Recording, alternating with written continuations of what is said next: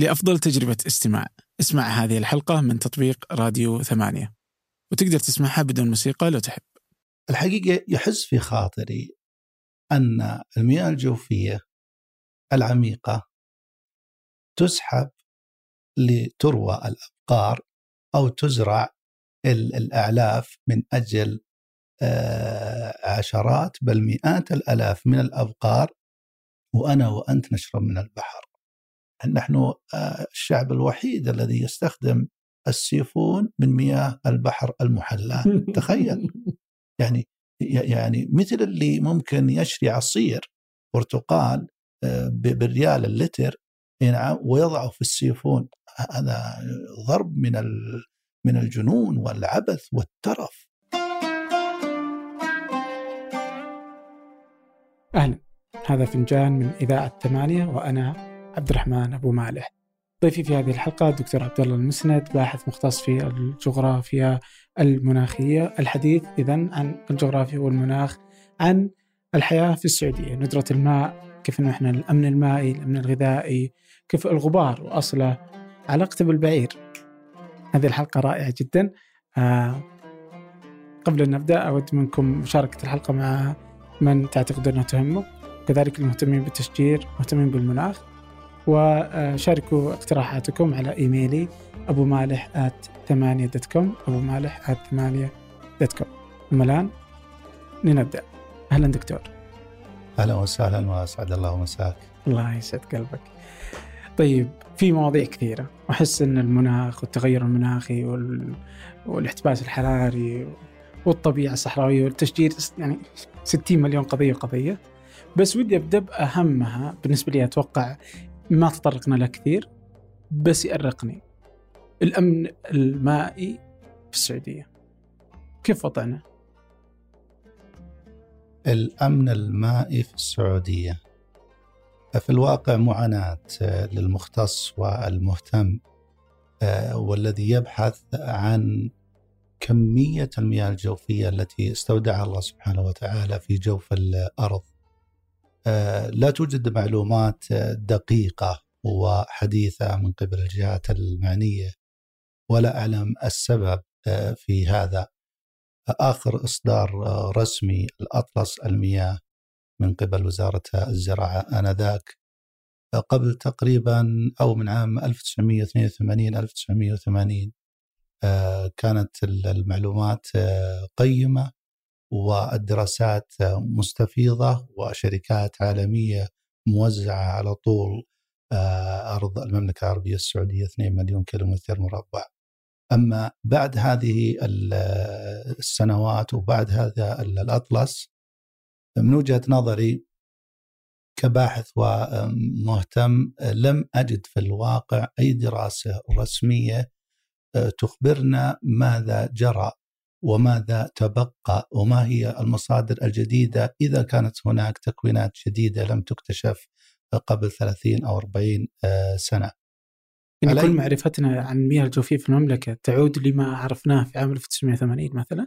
آه تقريبا آه، وهناك بعض المعلومات آه، التي تذكر أن هناك دراسات آه، حديثة تقريبا خلال السبع سنوات الأخيرة لكن لم تنشر فما زالت لدى الجهات المعنية. كباحثين نتكئ على معلومات قديمة في التكوينات الجوفية. أخوي عبد الرحمن المياه في المملكة العربية السعودية أو في جزيرة العرب بصفة عامة قديمة قديمة جدا. بعض أعمارها يصل إلى 10 و12 ألف سنة عندما كانت الجزيرة العربية مروجا وأنهارا استودع الله سبحانه وتعالى هذه التكوينات في هذه الأرض الشحيحة بأمطارها الشديدة بحرارتها لأجل أن تكون آه، في الواقع آه، حياة لمن يسكن الأرض. بالذات في العصور الأخيرة والعقود الأخيرة منذ أن جاءت الآبار الارتوازية آه، استفدنا من هذه المياه وشكلنا مزرعة آه، يعني بطريقة أدهشت العالم عندما زرعنا الصحاري وعندما يعني زرعنا الوهاد والنجاد والأودية وأماكن الأصل أنها لا تزرع ومع ذلك زرعنا آه، عبر الرشاشات المحورية حتى أن بعض شارحي حديث النبي صلى الله عليه وسلم لا تقوم الساعة حتى تعود أرض العرب مروجا وانهارا افتتنوا بهذه المناظر الخضراء الغناء الشاسعة والواسعة في وادي الدواسر في البسيطه في الشمال في القصيم أجزاء من الوسطى.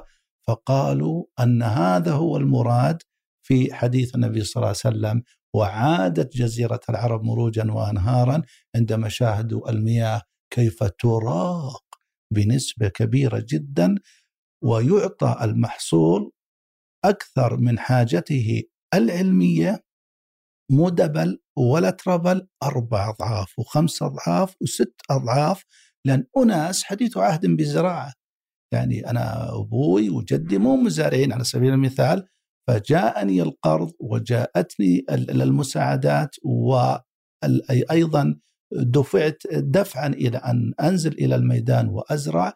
فزرعنا الصحراء فأصبحت المملكة العربية السعودية عام 96 السادسة عالميا في زراعة القمح وأنتجنا أكثر من حاجتنا وأكثر من حاجة الخليج وصدرنا المياه اللي هو القمح. لكن في النهاية هو ماء.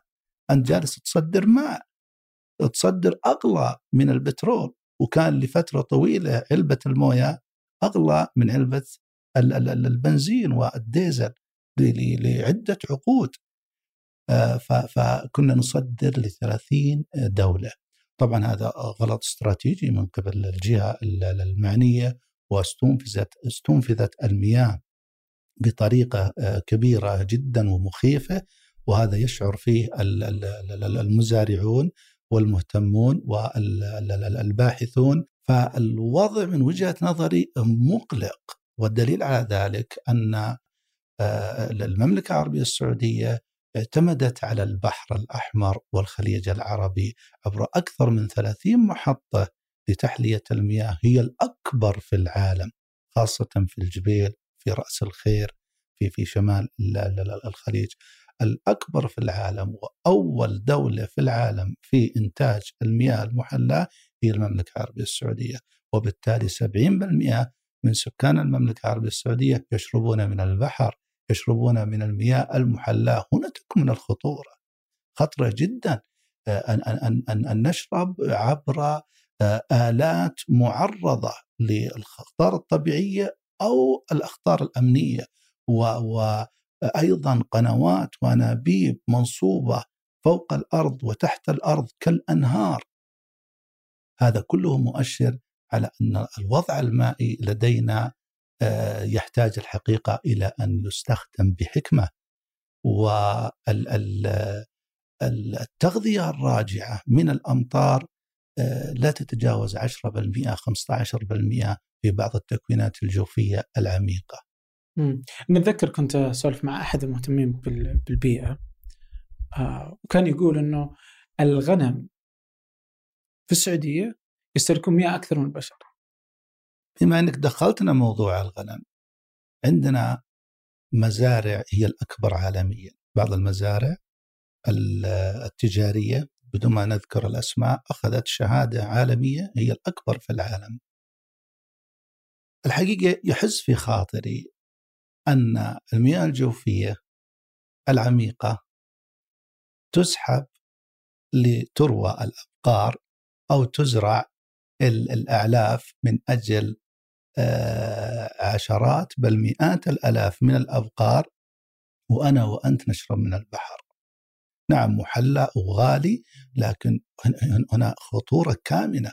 لذلك دعوت في أحد المقالات قبل أكثر من عشر سنوات أن هذه المشاريع الزراعية ليست في الواقع مشهد حضري أو أمني آه، غذائي آه، أو آه، أيضا مواضع لاستقطاب الوظائف للسعوديين. في الواقع معظم اللي فيها مو مو السعوديين عماله وتستنزف المياه وبالتالي يفترض أن يكون هناك جدولة لإخراج هذه المزارع العملاقة المليارية إلى دول أخرى بطريقة لا نضر فيها الشركة وتخرج الشركة بنسبة 10% سنويا تتقلص.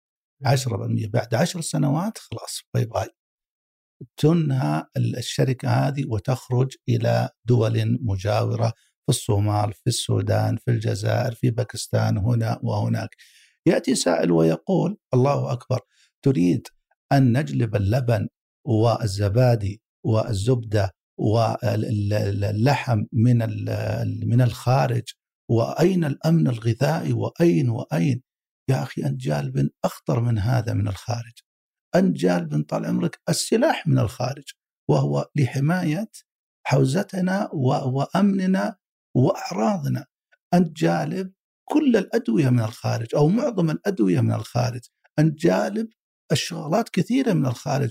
وقفت على بيضة وقفت على كيلو لحم ووقفت على على زبادي ولبن ومنتجات حيوانية تستهلك الكثير من المياه.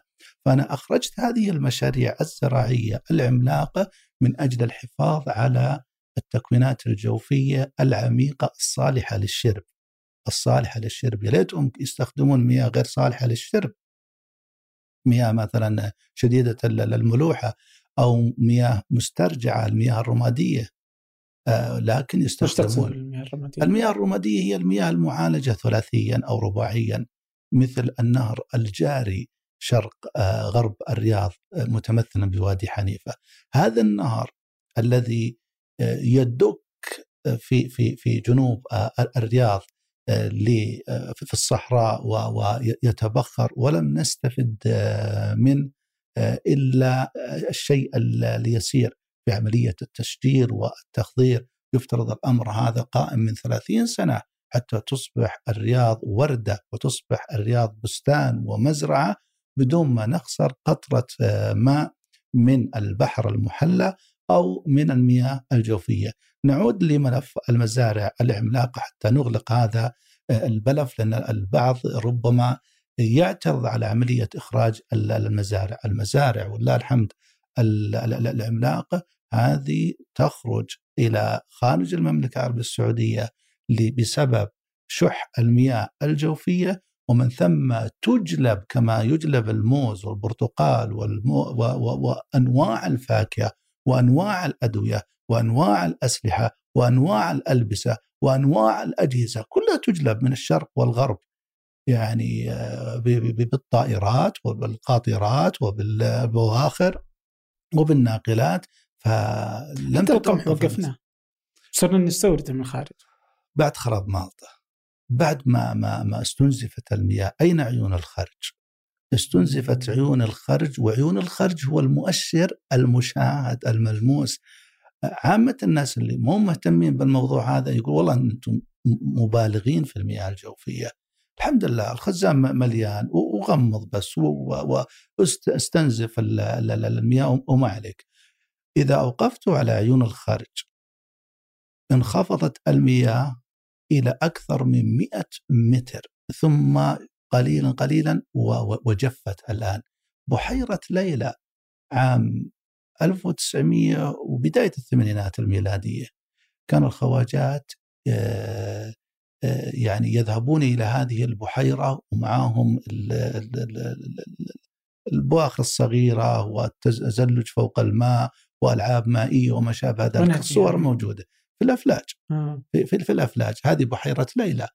فجفت بعد التوسع في زراعة القمح والدليل على أن الكلام هذا صحيح والتوجه صحيح أن الدولة ما عادت تدعم القمح بل وحاصرت القمح بل وحاربت القمح ثم توجهت للنخيل. ثم توقفت في دعم النخيل. هذا دلالة على أن المياه آه، أغلى من أن تستنزف بالزراعة. مسألة الأمن المائي والخوف من الحروب وما شابه ذلك بإمكاننا وضع استراتيجية إلى أن نزرع في نطاق ضيق في أماكن محددة ومن آبار محددة نزرع ما يكفي السعوديين لستة أشهر أو سنة من أجل الطوارئ. أما أن نصدر الألبان لدول الخليج والأردن وربما مصر والسودان وكل المنتجات اللبنية تصدر آه، هناك فأنت في الواقع تصدر ماء فلا بد الحقيقة أن تؤخذ بعين الاعتبار لأن الوضع المائي من وجهة نظري آه، خطير وربما الأخبار التي قرأناها في هذا الأسبوع أن هناك توجه إلى الحد من استنزاف المياه في الاستراحات في المزارع الخاصة وفي المشاريع عبر تركيب آه، عدادات آه، خاصة آه، للحقيقة ترشيد مياه الري في المزارع. أنا أحس إن هذا الموضوع مهم يعني سالفة إنه صحيح إنه عندنا شركات صحيح إنه مفترض إنه يعني جيد إن تكون عندك واحدة من الشركات أو أكثر من شركة تصدر وهذا يعتبر دخل لك يعني إنه يكون هذا المشهد. بس ما يكون على حساب أمننا أو على حساب حتى الأجيال الجاية من يعني اللي بيعيشون على هذا الأرض. ف يعني ذا القمح واضح إنه كانت في استراتيجية لإغلاقه وكان جيد وما قالوا أوه ليش إحنا ما عاد نصير نصدر؟ بس عشان اسمه إنه نصدر قمح. نعم. وراحوا أخذوا مزارع قمح في كندا وأخذوا يعني اللي ما تؤمن شيء للسعودية وتقدر تجيبها من الخارج ويستهلك اللي عنده. حتى أتذكر واحدة من الشركات إنه يعني أتذكر كذا كانت مرة من الأخبار في أمريكا إنه كذا أتوقع إنها المراعي.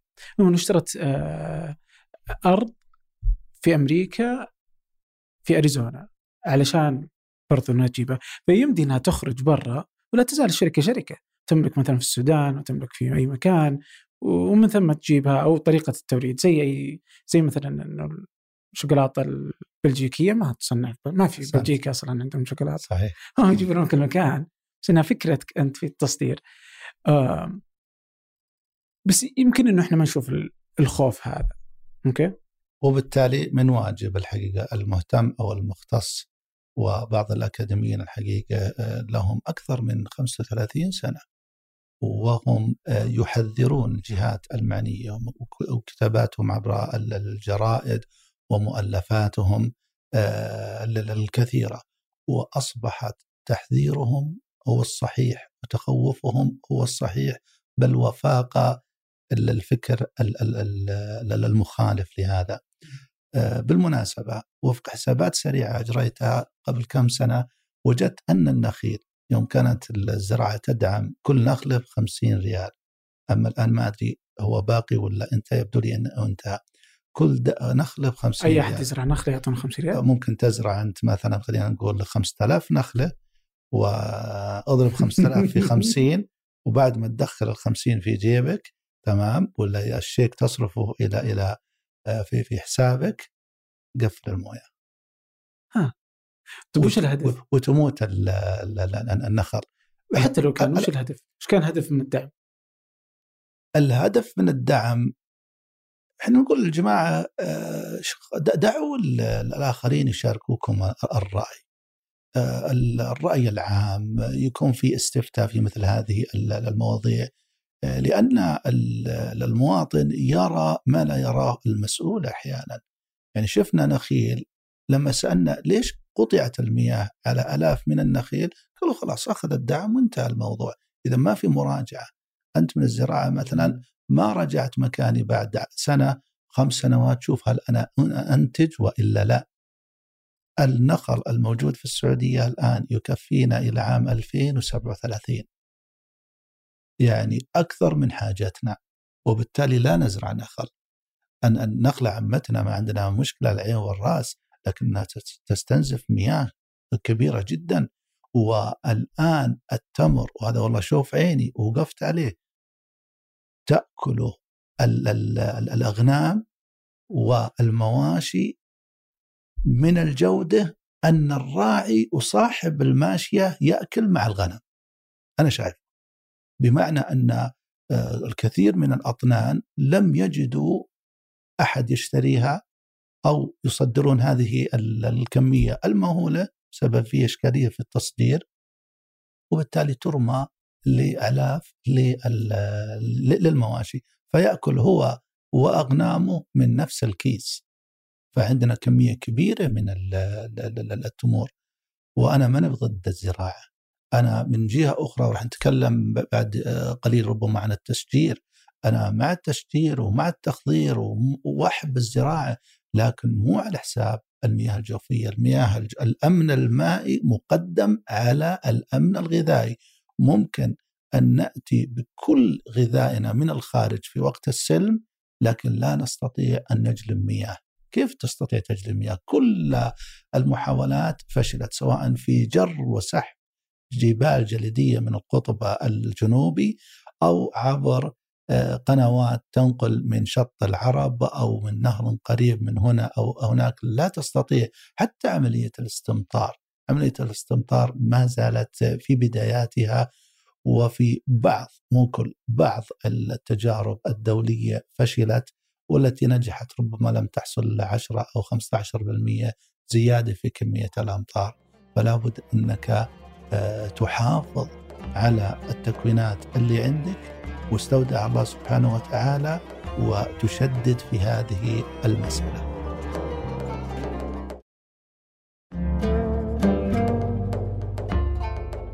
طيب. إذا إذا قلنا أنه عندنا أزمة أمن غذائي أو أو عفوا أمن مائي. قبل شوي تعرضت لأكثر من نقطة. في واحدة منها مثلا أنك تقول للشركات اللي موجودة مثلا أنه هذه لازم انها تطلع برا. بس في ناس تجي تقول لك برضو شفنا في كورونا لما أنت تخرج اشيائك برا بتعتمد على كل شيء تستورده. أنت مثلا استسهلت فكرة الاستيراد؟ إحنا نستورد السلاح نستورد الأكل الموز شلون جت البيض. بس إنه ندري إنه ممكن تجي زي كورونا اللي هي أبسط شيء يعني ممكن يجي اسوء عن كورونا. وشفنا كيف ان الدول منعت التصدير قالت نفسي نفسي وأنتم كيفك؟ فيصير وقتها انه إحنا بنتورط إذا مشينا بهذا الشكل. هذه المشكلة والجائحة وحتى الحروب الكبيرة. يعني إحنا عايشنا في الخليج العربي الحرب الخليج الأولى والثانية والثالثة وشغالة الحرب اليمن وما جرى للدول العربية فيما يسمى بالربيع العربي ومع ذلك لم تغلق الأبواب ولم يغلق في الواقع الاستيراد من الخارج. فلماذا نفترض إلى أن الحرب العالمية الثالثة سوف تقوم آه، ثالثة ورابعة وخامسة. هذه الكوارث الكونية لا تقع أحيانا إلا في مئة سنة مرة واحدة. وبالتالي لماذا آه، نهيكل وضعنا في مسألة الزراعة على اعتبار أن الخطر آه، قادم؟ أنا أقول فيما يتعلق بالمواد الأساسية أو الغذاء الأساسي من القمح يعني دعنا من القمح. بالمناسبة الأرز هو الطعام الأساس ومع ذلك استورد من برا وما شفنا إلا كل خير والله الحمد. ما عندنا أي إشكالية إلا الرز في السعودية. ومع ذلك استورد من الخارج وما آه، يعني وجدنا أي مشكلة. جاءت الجائحة وأغلقت الأبواب ولو افترضنا أن الاستيراد أغلق لمدة ثلاث أربع ستة أشهر. هناك من المخازن الاستراتيجية التي تكفي الشعب آه، لفترة طويلة بالذات آه، القمح. مأخوذ هذا بعين آه، الاعتبار.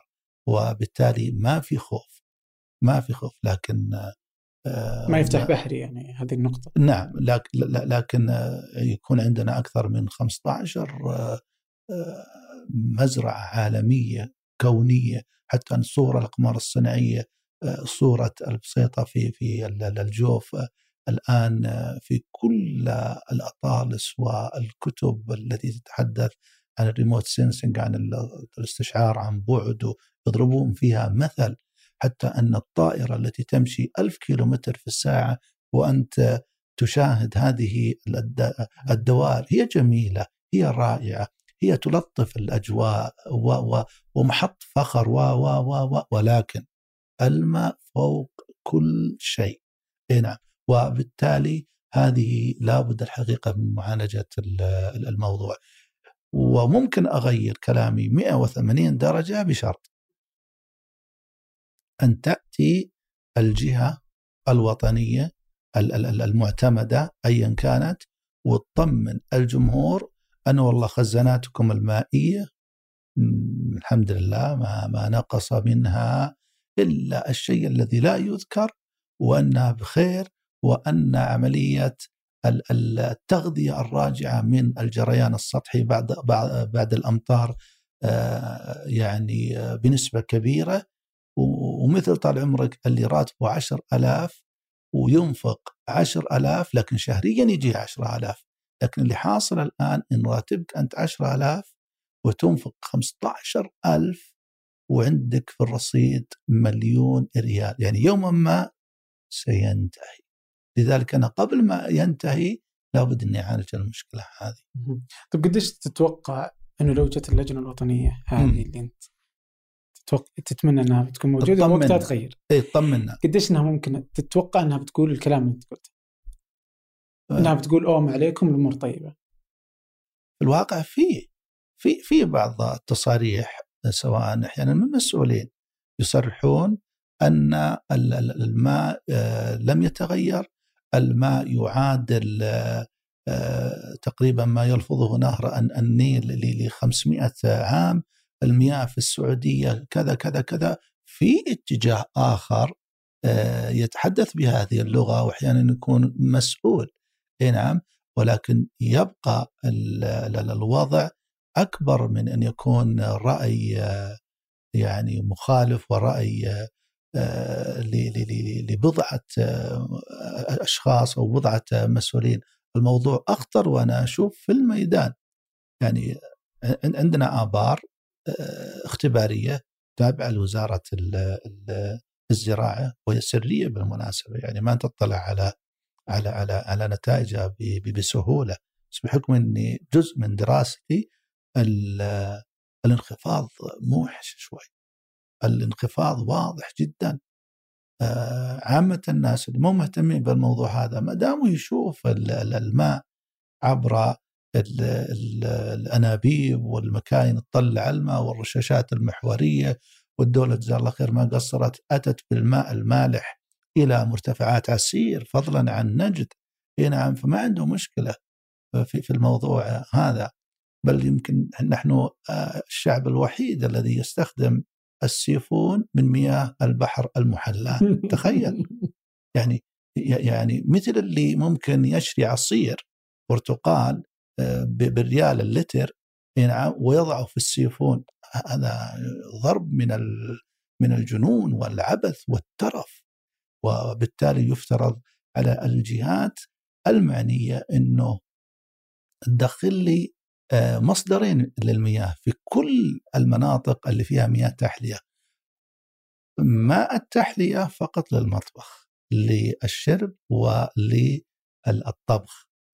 أما بقية الاستخدامات الأخرى في دورات المياه في غسيل الأحواش الملابس وما شابه ذلك هذا من مصدر آخر أرخص وأقل تكلفة ربما يكون من آبار غير صالحه للشرب أو من مياه معالجة رباعيا. بالمناسبه المياه المعالجة الرباعيا ممكن تشربها. آه، ففي بعض المحطات مثل محطة آه، بريدة في القصيم آه، تصل أحيانا إلى مياه معالجة رباعيا. وهذا طبعا مكلفة جدا. وبالتالي ممكن وكثير ترى من الدول المتقدمة ومن من الطرائف يقولون الكاس اللي أنت تشربه هذا ترى شاربه قبلك سبعة ثمانية عشرة. إي راح ودار وكرر وعولج ورجع لك مرة ثانية وتشرب وانت إي نعم. وهم دول مفعمة بالأنهار وبال وبالأشجار وبالأمطار وبالبحيرات. وعندنا دولة صحراوية آه، شحيحة آه، أمطارها، الملف هذا خطير الحقيقة، أنا لا أخوف الناس بقدر ما اتحدث عن أشياء ملموسة رقميا وعلميا وأتمنى إني أكون آه، مخطئ يعني أتمنى الوضع هذا كله يعني بما إن امثلتك كلها في القصيم ونجد كيف تشوفها في بقية مناطق المملكة؟ آه، نفس الشيء؟ المياه المياه الجوفية والتكوينات الجوفية العملاقة الكبيرة فقط في الرف الرسوبي في الحدود الشمالية في الجوف في شرق منطقة حائل شرق منطقة القصيم شرق منطقة الرياض الربع الخالي والشرقية كلها. يعني نصف تقريبا أو ثلثين المملكة العربية السعودية هذه فيها مياه جوفية عميقة. أما الدرع العربي آه، جزء من تبوك والمدينة ومكة والباحة وجيزان وجزء من نجران وعسير هذه المناطق لا توجد فيها خزانات جوفية آه، مليئة بالمياه. آه، نظرا لتكوينها الجيولوجي المتمثل بالصخور النارية وبالتالي المياه هناك توجد في شقوق وصدوع محدودة. لذلك لن تجد مشاريع زراعية عملاقة في الرف في الدرع العربي. لن تجد. ستجد مزارع محدودة وبسيطة وتتأثر من الأمطار. عندما تشح الأمطار تنخفض مباشرة. لذلك تعيش على الأودية وتعيش على الأمطار ووضع السدود والردوم في في المنطقة منطقة الدرع. فمنطقة الدرع ما عندي إشكالية فيها. منطقة الدرع العربي آه، اشرب كما تشاء لأنه ماء متجدد عبر الأمطار. إذا ما أمتلأ في هذا العام سيمتلئ الخزان المتمثل في الشق أو في الصادع العام الذي يليه.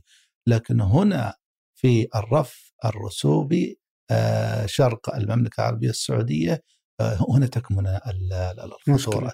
مياه بعمر عشر ألاف آه، سنة لا يمكن أن تعوض بالطريقة التي تعادل أو أكثر مما تستنزف وتستخدم. طيب إذا قلنا اليوم مثلا عندنا فكرة القمح أنه شلناها وهذا كنتوا تنادون فيه تقولون شيلوا القمح ترى خطأ. بدينا الظاهر حتى أتوقع حتى اي الأعلاف الأعلاف برضو من الأشياء اللي توقفت السعوديه أخطر من القمح الاعلاف بس إنها توقفت منها يعني منعت زراعة الأعلاف. لا الحمد لله في شغل عبر صورة القمر الصناعية ومتابعة وتنظيم. مم. وجالسة الجهة المعنية المتمثلة بالزراعة ولا الحمد تبذل قصارى جهدها في هذا الشيء الحقيقة يثلج الصدر هذا التناغم الجميل من الوزارة مع معطيات 20 30 آه، في آه، تنظيم آه، الزراعة بشكل متعب. أفضل من أول. إيش باقي اشياء أنتم تقولون الحين عليها وقفوا غير مثلا مثلا الشركات اللي مرينا عليها. إيش في شيء كذا أنت تخاف منه تقول توقفوا عنه لأن هذا جالس يستنزف المياه. جالسين نزرعه ونسوي منه أكبر أكبر أكبر. آه الآن في توجه آه الحقيقة طبعا أبقى جغرافي ولكن عندي اهتمامات آه مائية. لكن آه مهندسي الزراعة ومهندس الري والمياه هو أدرى ما هي الأشجار اللي آه، ممكن أن لا نتوسع فيها. هل هو النخيل أو الزيتون بالملايين في آه، الشمالية؟ خاصة في منطقة الجوف وهذا محل فخر الحقيقة لنا ولكن نريد من المختصين أو من الجهة المعنيه طمنا يبقى شجرة الزيتون أقل يعني متطلبات مائية من النخلة، النخل كافي اللي عندنا كافي وفي نوعيات يفترض أنها تزال لأن إنتاجها يعني ما يسوى الماء الذي آه، تستهلكه. آه، هذا أمر، الأمر الآخر إذا أردنا أن نزرع عبر ال green house الصوب الزراعية أو البيوت الزجاجية أو بيوت البلاستيك هذا ازرع كما تشاء بأي مساحة؟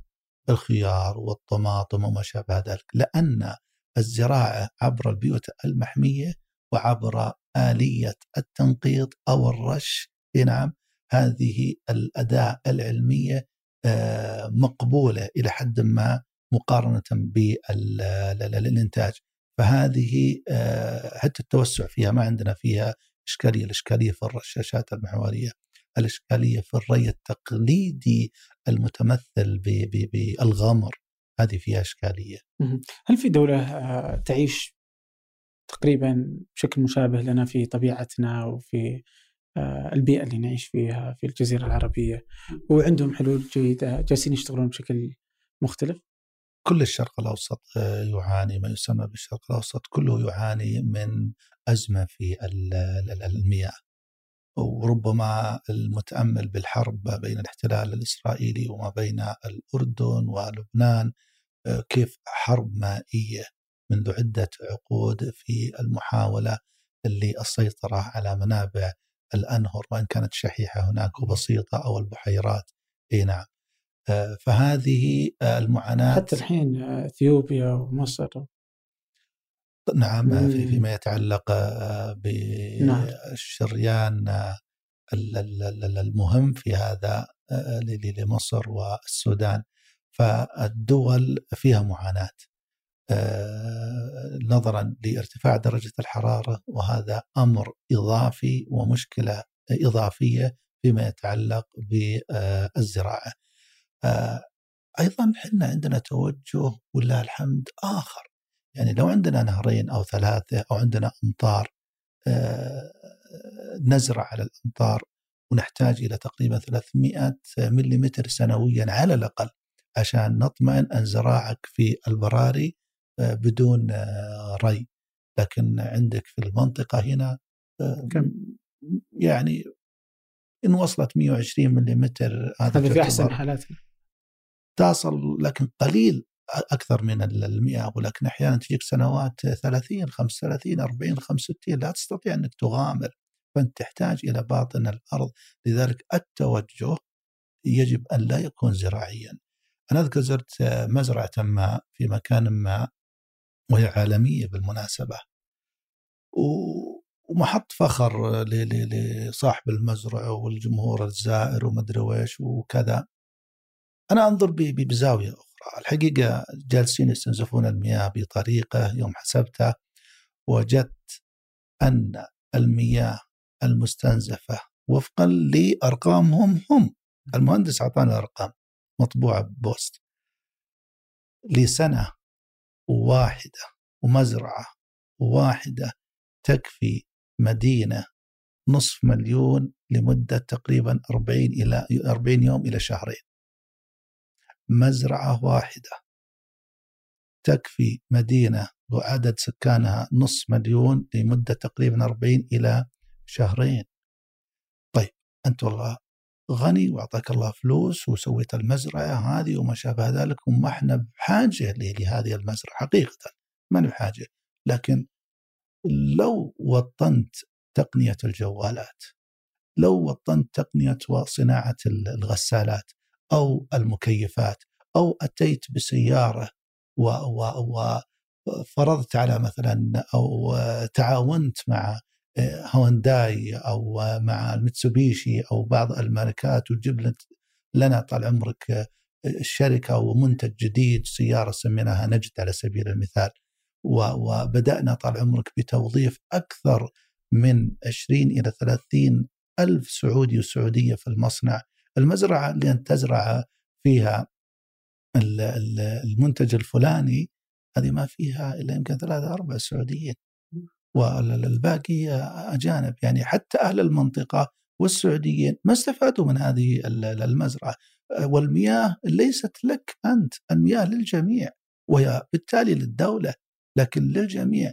لكن لو قلبت النشاط هذا من زراعة إحنا ما بحاجة للزراعة عندنا مشكلة. لكن عندنا الصناعات البتروكيماوية والمنتجات البتروكيماوية وعندنا النفط وعندنا الشباب والشابات.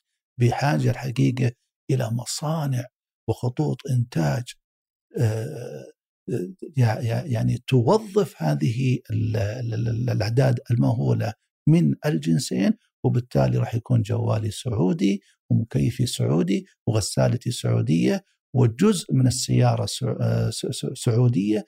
وأي شيء نحتاجه في المملكة ونكثر من استهلاكنا فيه يكون سعودي. إحنا قادرين.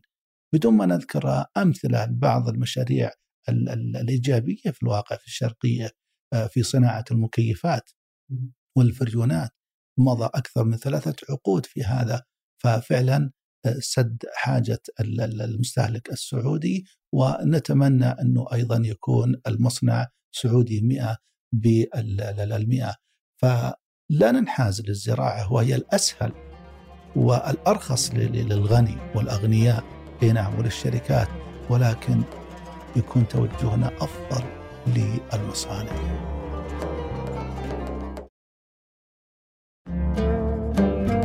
طيب العجيب إن كنت تسولف أستذكر وش الناس تتكلم لما تجي تقول أوه مثلا الرياض واضح إنها صحراء ولما تاخذ أي لقطة جوية للرياض تدري انه ما في ولا شجرة. فالناس كذا لما تكتب ما في تشجير ولا إذا قريت في آه، حملات تشجير إيش الردود اللي دائما تجي؟ أوه إحنا بلد صحراوي ما ينفع إنه نشجر فكيف تشوف النقيض ما بين إنه في شركات تستفيد وحتى إنه إحنا نهدر الآبار الجوفية والمياه الجوفية للسعودية وما بين إنه إحنا ما نشجر برضو المدن للعكس اللي هو إنه أوه لا ما عندنا شجر والملك فهد كله نخل اللي هو برضه يستهلك مياه أكثر. فهذا التضارب وش وش اللي يخلينا كذا؟ بين إنه إحنا ما نشجر لأجل إنه ما عندنا موية في الطرف الآخر نستهلك كميات موية في أماكن غير مجدية. آه خلينا نأخذ مثال الإمارات ولو التحديد أبو ظبي ثم دبي. آه الشعب واحد والفكر واحد. والمناخ واحد ومع ذلك بل وحتى النشاط الاقتصادي واحد. إي نعم. فما في فروقات جوهرية كبيرة بيننا وبين الإمارات. ومع ذلك نشاهد المدن الإماراتية وعلى وجه التحديد الشارقة دبي العين أبو ظبي نموذج الحقيقة محط فخر. يأتي إنسان يقول يا أخي هذا عندهم رطوبة والرطوبة تقلل من النتح وبالتالي لا تحتاج الشجرة إلى آه، ري. أوكي. ما الشرقية؟ جايز لك الوضع اللي في الشرقية. ميادين أصبح لها أكثر من 40 سنة ميادين كبيرة جدا. آه، الغبار مو رمل غبار يملأ هذه الميادين. لم تزرع. وشوارع وطرق إلا على نطاق ضيق. لا الحقيقة يتناسب مع تطلعات حكومتنا الرشيدة في الواقع. نذهب إلى الساحل الشرقي أكثر من 2000 كيلو متر أيضا عندهم رطوبة. لماذا لم تكن جدة والوجه وينبع والليث والقنفذة وجيزان مثل دبي والشارقة؟ إذا كان الموضوع رطوبة ولكن الموضوع موضوع ثقافة وموضوع همه في الواقع وموضوع توجه أيضا الجهات المعنية في هذا آه، الشأن. أنتقل من الإمارات إلى الاحتلال الإسرائيلي. عندما تشاهد فلسطين عبر جوجل إيرث ستحدد مواقع الاحتلال بدون خريطة سياسية. الشجر هو الذي يحدد ما لليهود وما للمسلمين، ما للاسرائيليين وما للفلسطينيين، كيف؟ صور لها أكثر من 30 و40 سنة. آه، الشعب اليهودي الإسرائيلي وناس عاديين وكبار. تشوف كل واحد شايل شتلات زراعية يستهدفون الجبل الفلاني ويزرعون الجبل تمام؟ الجبال عالية في في فلسطين كقدر كوني. ما فيها أشجار آه، تذكر. والأمطار آه، ليست كأمطار عسير أقل بكثير. اي نعم ودرجة الحرارة أعلى من عسير ومن الباحه ومن الطائف. ولكن الهمة والتخطيط والثقافة والرغبة. إحنا عندنا علاقة متأزمة بين السعودي وبين الشجرة وعندي أمثال على هذا الكثير. بس أنت من موضوع إسرائيل. أنها حولت القفار إلى مزرعة. وكأنه في في في اليونان أو في إيطاليا ما راح أقول لك في وسط أوروبا كأنك في جنوب أوروبا. فكانت ال ال الأشجار جميلة ومقبولة. وأنا ممكن أغير الرياض وغير الرياض خلال ثلاث عقود فقط. بل أبالغ إذا قلت ثلاث عقود لأن تقريبا بعد عشر آه، سنوات ستصبح الشجرة آه، يعني وصلت إلى إلى مرحلة من الاكتمال طيب وش سر علاقتنا المتأزمة ما بين إحنا ما بين السعودية والشجرة؟ الحقيقة عندما تتصفح حديث المصطفى صلى الله عليه وسلم لم نجد أن النبي صلى الله عليه وسلم يحث على قطع الشجرة أو آه، من قطع شجرة فله مئة حسنة على سبيل المثال. كمن قتل الوزق في أول ضربة فله مئة حسنة. بل النبي صلى الله عليه وسلم قال من زرع آه، زرعا فشرب منه طير وأكل منه إنسان. وكما قال النبي صلى الله عليه وسلم فله صدقة. وقال النبي صلى الله عليه وسلم من قطع سدرة آه، صوب رأسه في النار. الأدبيات الإسلامية التي صحت عن النبي صلى الله عليه وسلم يا عبد الرحمن لم تصل لها حقوق المحافظة على الحيوان أو على البيئة. لو تأملنا آه، الأدبيات المتمثلة بالنصوص التي صحت عن النبي صلى الله عليه وسلم شيء يثلج الصدر. ولكن النتيجة المشاهدة في الطبيعة وفي الميدان نجد أن خلينا نبدأ من المهندس ونبدأ من البلدية، البلدية لا تلزمك بأشجار معينة أمام المنزل ولا تتحدث عن هذا الموضوع، وآخر ما تفكر فيه شكل الرصيف وعرض الرصيف وما هي نوعية الأشجار ما له دخل في الموضوع هذا، نأتي للمهندس المعماري السعودي. عندما يضع المخطط ويرسم المخطط لا يفكر بموضوع التشجير ولا أيضا تكلم عن الأغلبية ولا أيضا يوصي حكم أن ثقافك لا تحب الأشجار لا يوصي بوضع الأشجار الفلانية أو الفلانية بل لا آه، يعني لا تجد عنده خبرة بنوعيه الأشجار وخطورة البعض. هذه سامة، هذه خطر على الصرف، هذه خطر على كذا وما شابه ذلك. غير واردة في القاموس الهندسي السعودي. خلاص عمرنا لك الفلة الفلانية. ويأتي انت وحظك اللي يحط سدره واللي يحط طلح واللي يحط كينة واللي يحط بزرميه واللي يحط نخلة. ثم عندما آه، تكتمل الشجرة ويكون لها ظل وارف وهذه شفتها بالعشرات. يأتي صاحب المنزل يقطعها. ما عندك غرامة ما عندك أي مشكلة. اقطع متى شئت وازرع متى شئت وغير وبدل وتأتي أحيانا البلدية. أنت ما تزرع ما تقطع تأتي البلدية وسبحان الله ما أدري من اللي سلطهم على أشجارك. فما تدري تقوم الضحى ولا الجماعة مقصقصين الأشجار. من اللي أمركم آه، بهذا؟ لا لا يوجد نظام. آه، يعني اعذرني أنا مثلا كمواطن ما عندي خبرة مثلا في الزراعة. المفروض الجهات المعنية تقول مثل ما تعطيني اشتراطات الآن عندنا اشتراطات في في ارتفاع مثلا النافذة إنه لا يمكن تضع لي نافذة بعد بلكتين أو ثلاث بلك على سبيل المثال من أجل الخصائص الإسلامية العربية اللي بيننا ولا لا؟ وأنا أقوم بهذه الاشتراطات. أيضا البلدية أو آه نعم البلدية المفروض تسن قوانين أن لكل منزل له رصيف من أجل حقوق المشاة وفي الرصيف يكون في زراعة أشجار معينة فتلاحظ أن الشارع الفلاني يكون فيه شجر من نوع واحد وتختلف من حي إلى آخر.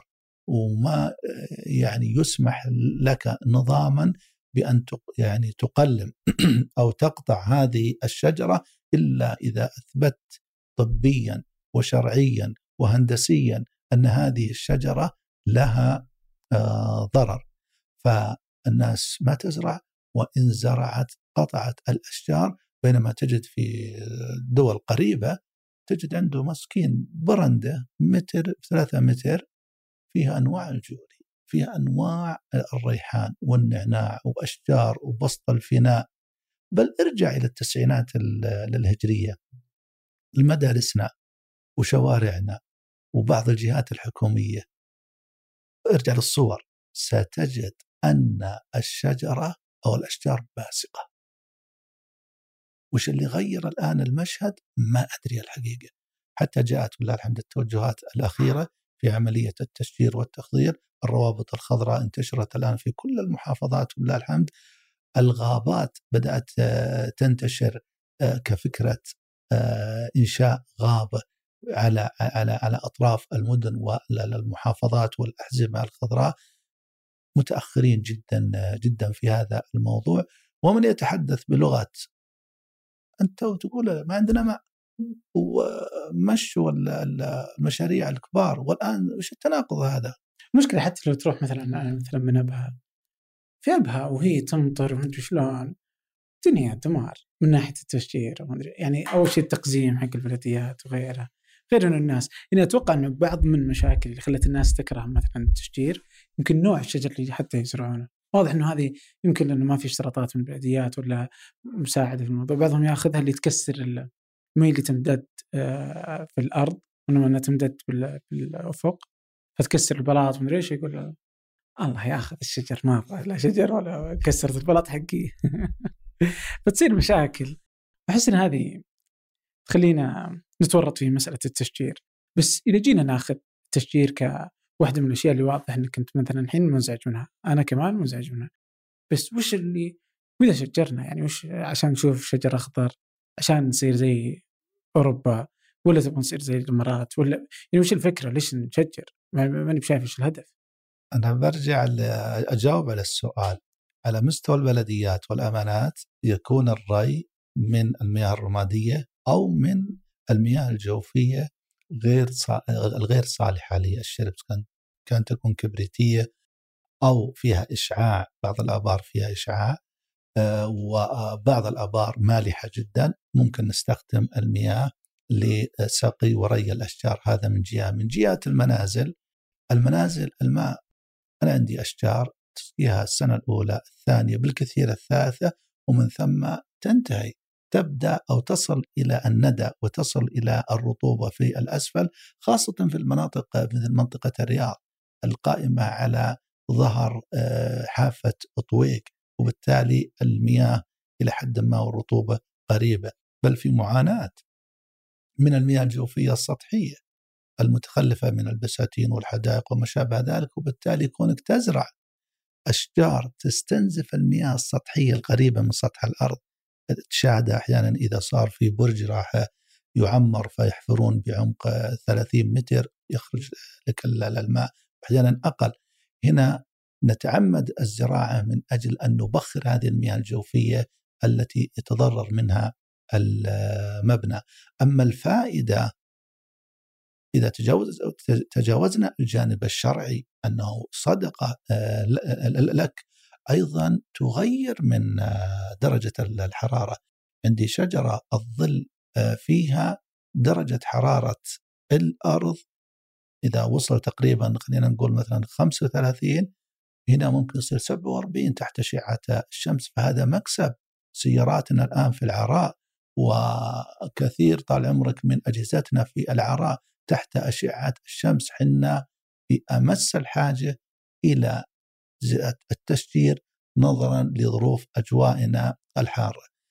تأتيني أحيانا بعض المداخلات العجيبة والمضحكة واللطيفة في تويتر آه، إذا تحدثت حول الأشجار، بعضهم يقول يا أخي أنا ما أبغى الأشجار تجمع العصافير وتزعجنا العصافير. الله أكبر. الله أكبر على الذائقة. الله أكبر. تغريد العصافير يزعجك؟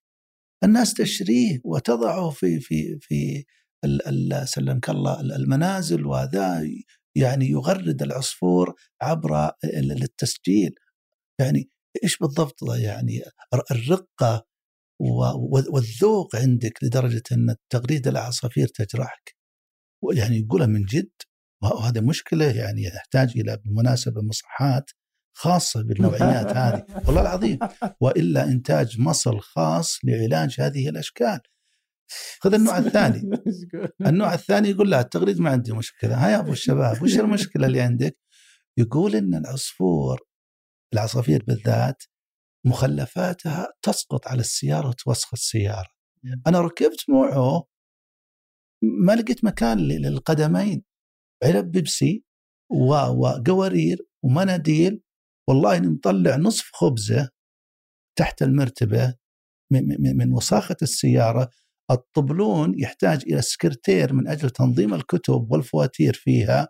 الغبار آه، كرسي السيارة يعني يحتاج الحقيقة إلى قلع وتنقيعه بالماء لأسبوع كامل باستخدام الكلوركس والفلاش من أجل إنك تنظفه. بمعنى إنه وسخ هو وسخ في في في في سيارته ويأتي ويقول والله مخلفات العصافير أه توسخ السيارة. حرام عليك يا أخي.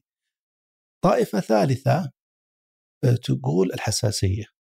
يعني هذا الارقى شوي. يقول والله إحنا نتحسس من الأشجار. يا أخي الحساسية أحيانا تأتي من الأقمشة من الفرشة من المخمل في الكنب من الستائر. من الثيل من القطط من آه، نوع الأكل اللي أنت تاكله. أحيانا النخلة تسبب لك بالمناسبه حساسية. أحيانا شجرة أنت تسبب لك الشجرة الفلانيه حساسية وأنا الشجرة من نوع آخر يسبب لي حساسية. فلا يمكن إنك تعمم أن كل الأشجار يسبب لنا آه، حساسية. هذا آه، مو صحيح. وكل شيء له إيجابية وسلبية، لا أقول إن الأشجار إيجابية 100% لكن سلبياتها يعني لا لا تذكر. وناس آخرون يقولون والله عروق الأشجار تصل إلى الخزان وتقفل علي يعني أيضا قنوات الصرف لأنه زرع الغلط، زرع مثلا البزروميا وهي كارثة هذه منتشرة. الشجرة. نعم ومنتشرة. وما تلومه الحقيقة لأن البلدية أو المهندس أو المهندس الزراعي أو حتى الجهات المعنية أو الإعلامية ما نبهوا الناس في مثل هذه الأمور. ولذلك خرجت لي بوست آه، أنواع الأشجار المفضلة التي تزرع في المنازل حوالي ثمانية وذكرت أيضا شروط آه، عفوا شروط ثمانية للاشجار البعض وهذه تحصل كثير. بعد ما ينتهي من العمار يجيب لك الوشنطونيا ولا يجيب لك انخله ولا يجيب لك الشجره بينه وبين سور 30 سم بس هو شاريها شتلة صغيرة. شكل. شتلة صغيرة. بس يا أبو الشباب راح تكبر هذه راح تكون خلا ثم إذا كبرت وعورت السور وصار في تصدع في السور قال اقطع. اقطعه هذا الحقيقة في هدر المال والماء. والجهد وبالتالي تصبح آه، الأحياء عندنا خالية وعارية من الأشجار. وش الثمانيه الأشياء الشروط اللي للتشجير؟ ألا تكون الشجرة آه، غازية للمواد أو أو قنوات الصرف مثل البزروميا. ألا تكون الشجرة من النوع اللي يجمع الغبير والغبار. بعض الأنواع من الأشجار يكثر فيها الغبار والغبير ففعلا تثير الحساسية. آه، ومنها أيضا البزروميا، لكن لو تأتي مثلا إلى الفيكس الأمريكي ولا لسان العصفور، لسان العصفور بالمناسبة كأنه منظف بشكل يومي يلمع أي نعم. آه، لا تكون سامة بطريقة ممكن طبعا بعض الأشجار السامه موجوده في البيوت لكن بطريقة ممكن تؤذي الأطفال. أي نعم. آه لا تكون آه جوارة. وهنا مهمه هذه جوارة بمعنى أن شدة البرد إذا وصلت درجة الحرارة في المربعانيه صفر أو خمسة تحت الصفر وعمره خمس سنوات فجأة تموت وتخسر كل شيء. أو أن تكون لا تتحمل درجة الحرارة العالية وهذه أخطر من البرودة. عندنا درجة الحرارة العالية. ثم آه، تموت وتشيله وتخسر جهد ثلاث أربع سنوات. بالمناسبة عندما يخرب عندك المكيف كلفك 2000 ريال خلال العصرية ترميه وتشتري واحد ثاني وتنتهي المسألة. لكن الشجرة لا. راح تبدأ من جديد وتنتظر خمس سنوات على ما بال تكون كما كانت. نعم فلا ما تكون جوارة. وما تكون أيضا آه، زي البرصوبس، البرصوبس من النوع اللي سهل التكسر. إذا جات عواصف وكذا انكسر بعدين تخسر الجهد والمال والمال والماء أيضا. والفائدة حتى. طيب بس يعني واضح إنه باين لك إنها صعبة. اللي هي؟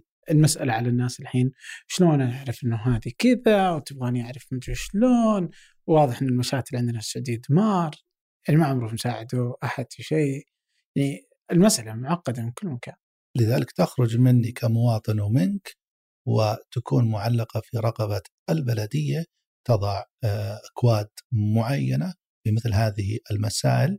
إذا إذا البلدية عندها الرغبة في هذا وانظر إلى شروط البلدية ومتابعة البلدية في بعض المخالفات التي في الواقع يشكرون عليها من أجل حماية كجار أو كمار أو كسائق. شروط آه، صارمة على المقاولين وعلى أصحاب الفلل شيء يثلج الصدر.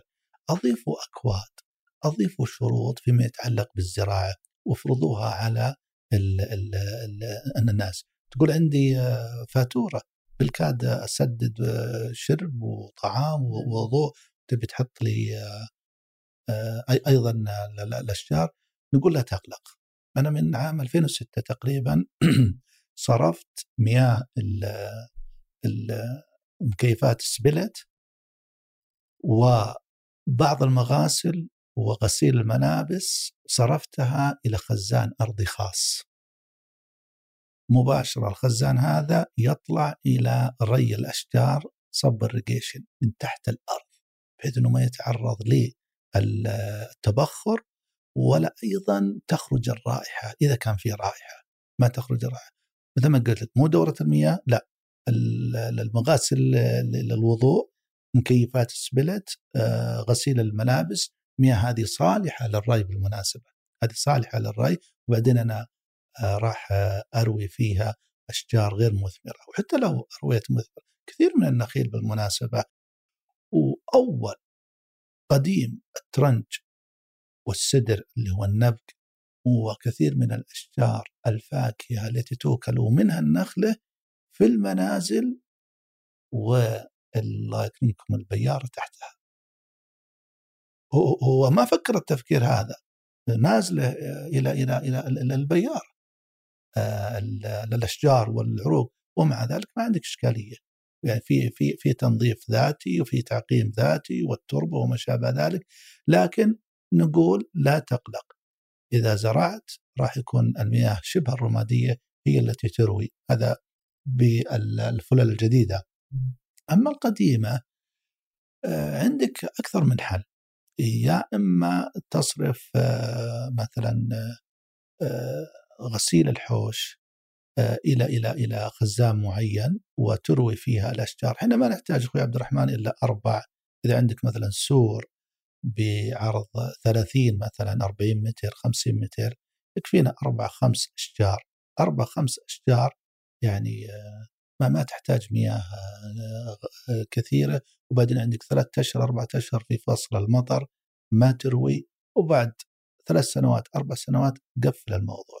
أنا عندي الأشجار أمام المنزل سنوات آه، طبعا غطت حتى السور والمنزل لا تشاهده. آه، باخضرار وجمال ويأتين آه، من الضيوف كل مغرب ولله الحمد ما يتجاوز من 2000 ضيف متمثل بالعصافير والحمام وخلها ترقد وتنام في أوكارها في الأشجار. في البيت كلكم متفقين على أهمية الأشجار ولا في أخذ جد؟ يبقى الزوجة والأولاد جزء من الثقافة السعودية. حطيت ما حطيت ما تعنيهم. يعني ما وجدت يمكن ما وجدت منهم لا معارضة ولا تشجيع. آه، لأنه مو التوجه هذا ما يعني كثير من الناس. لكن تجده في دول أخرى لا.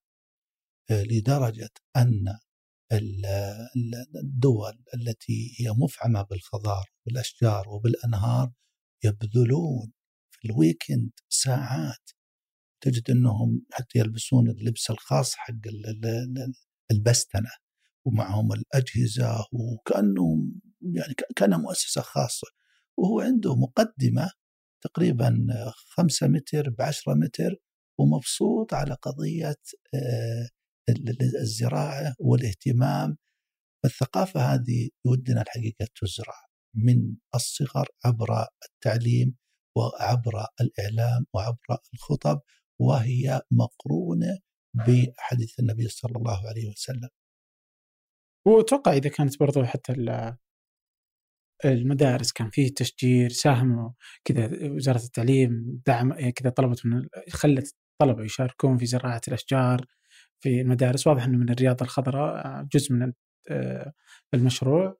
أنه التشجير وما ودك برضو المدارس إنها بس تشجر من الحكومة فجأة يلقون المدرسة. خلي الطلاب يشاركون فيها أكيد. يهتم في التشجير يشوف الشجرة قدامه تكبر.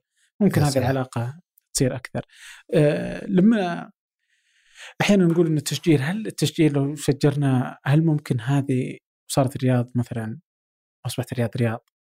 أه أو أي مدينة أخرى مثلا في السعودية. هل بس إن الرياض لأنه الغبار فهل التشجير ممكن يحد من شكل الغبار ولا ما له علاقه؟ واضح الغبار من الأشياء اللي مهلكة في الرياض ويكرهون أهل الرياض تزعج أهل الرياض أخطر حتى الشرقيه أتوقع نعم أخطر ظاهرة أخوي عبد الرحمن جوية في المنطقة مو فقط في المملكة العربية السعودية هي العواصف الغبارية. العواصف الغبارية مزعجة آه، جدا نتحمل الحر إلى 60 ما عندنا مشكلة. نتحمل شح الأمطار، نتحمل شدة البرودة. آه، إلا العواصف الغبارية، العواصف الغبارية إشكاليتها أنها تسرح وتمرح في ما بين المحيط إلى الخليج ومن جنوب تركيا إلى عدن. كل المنطقة هذه منطقة عواصف غبارية.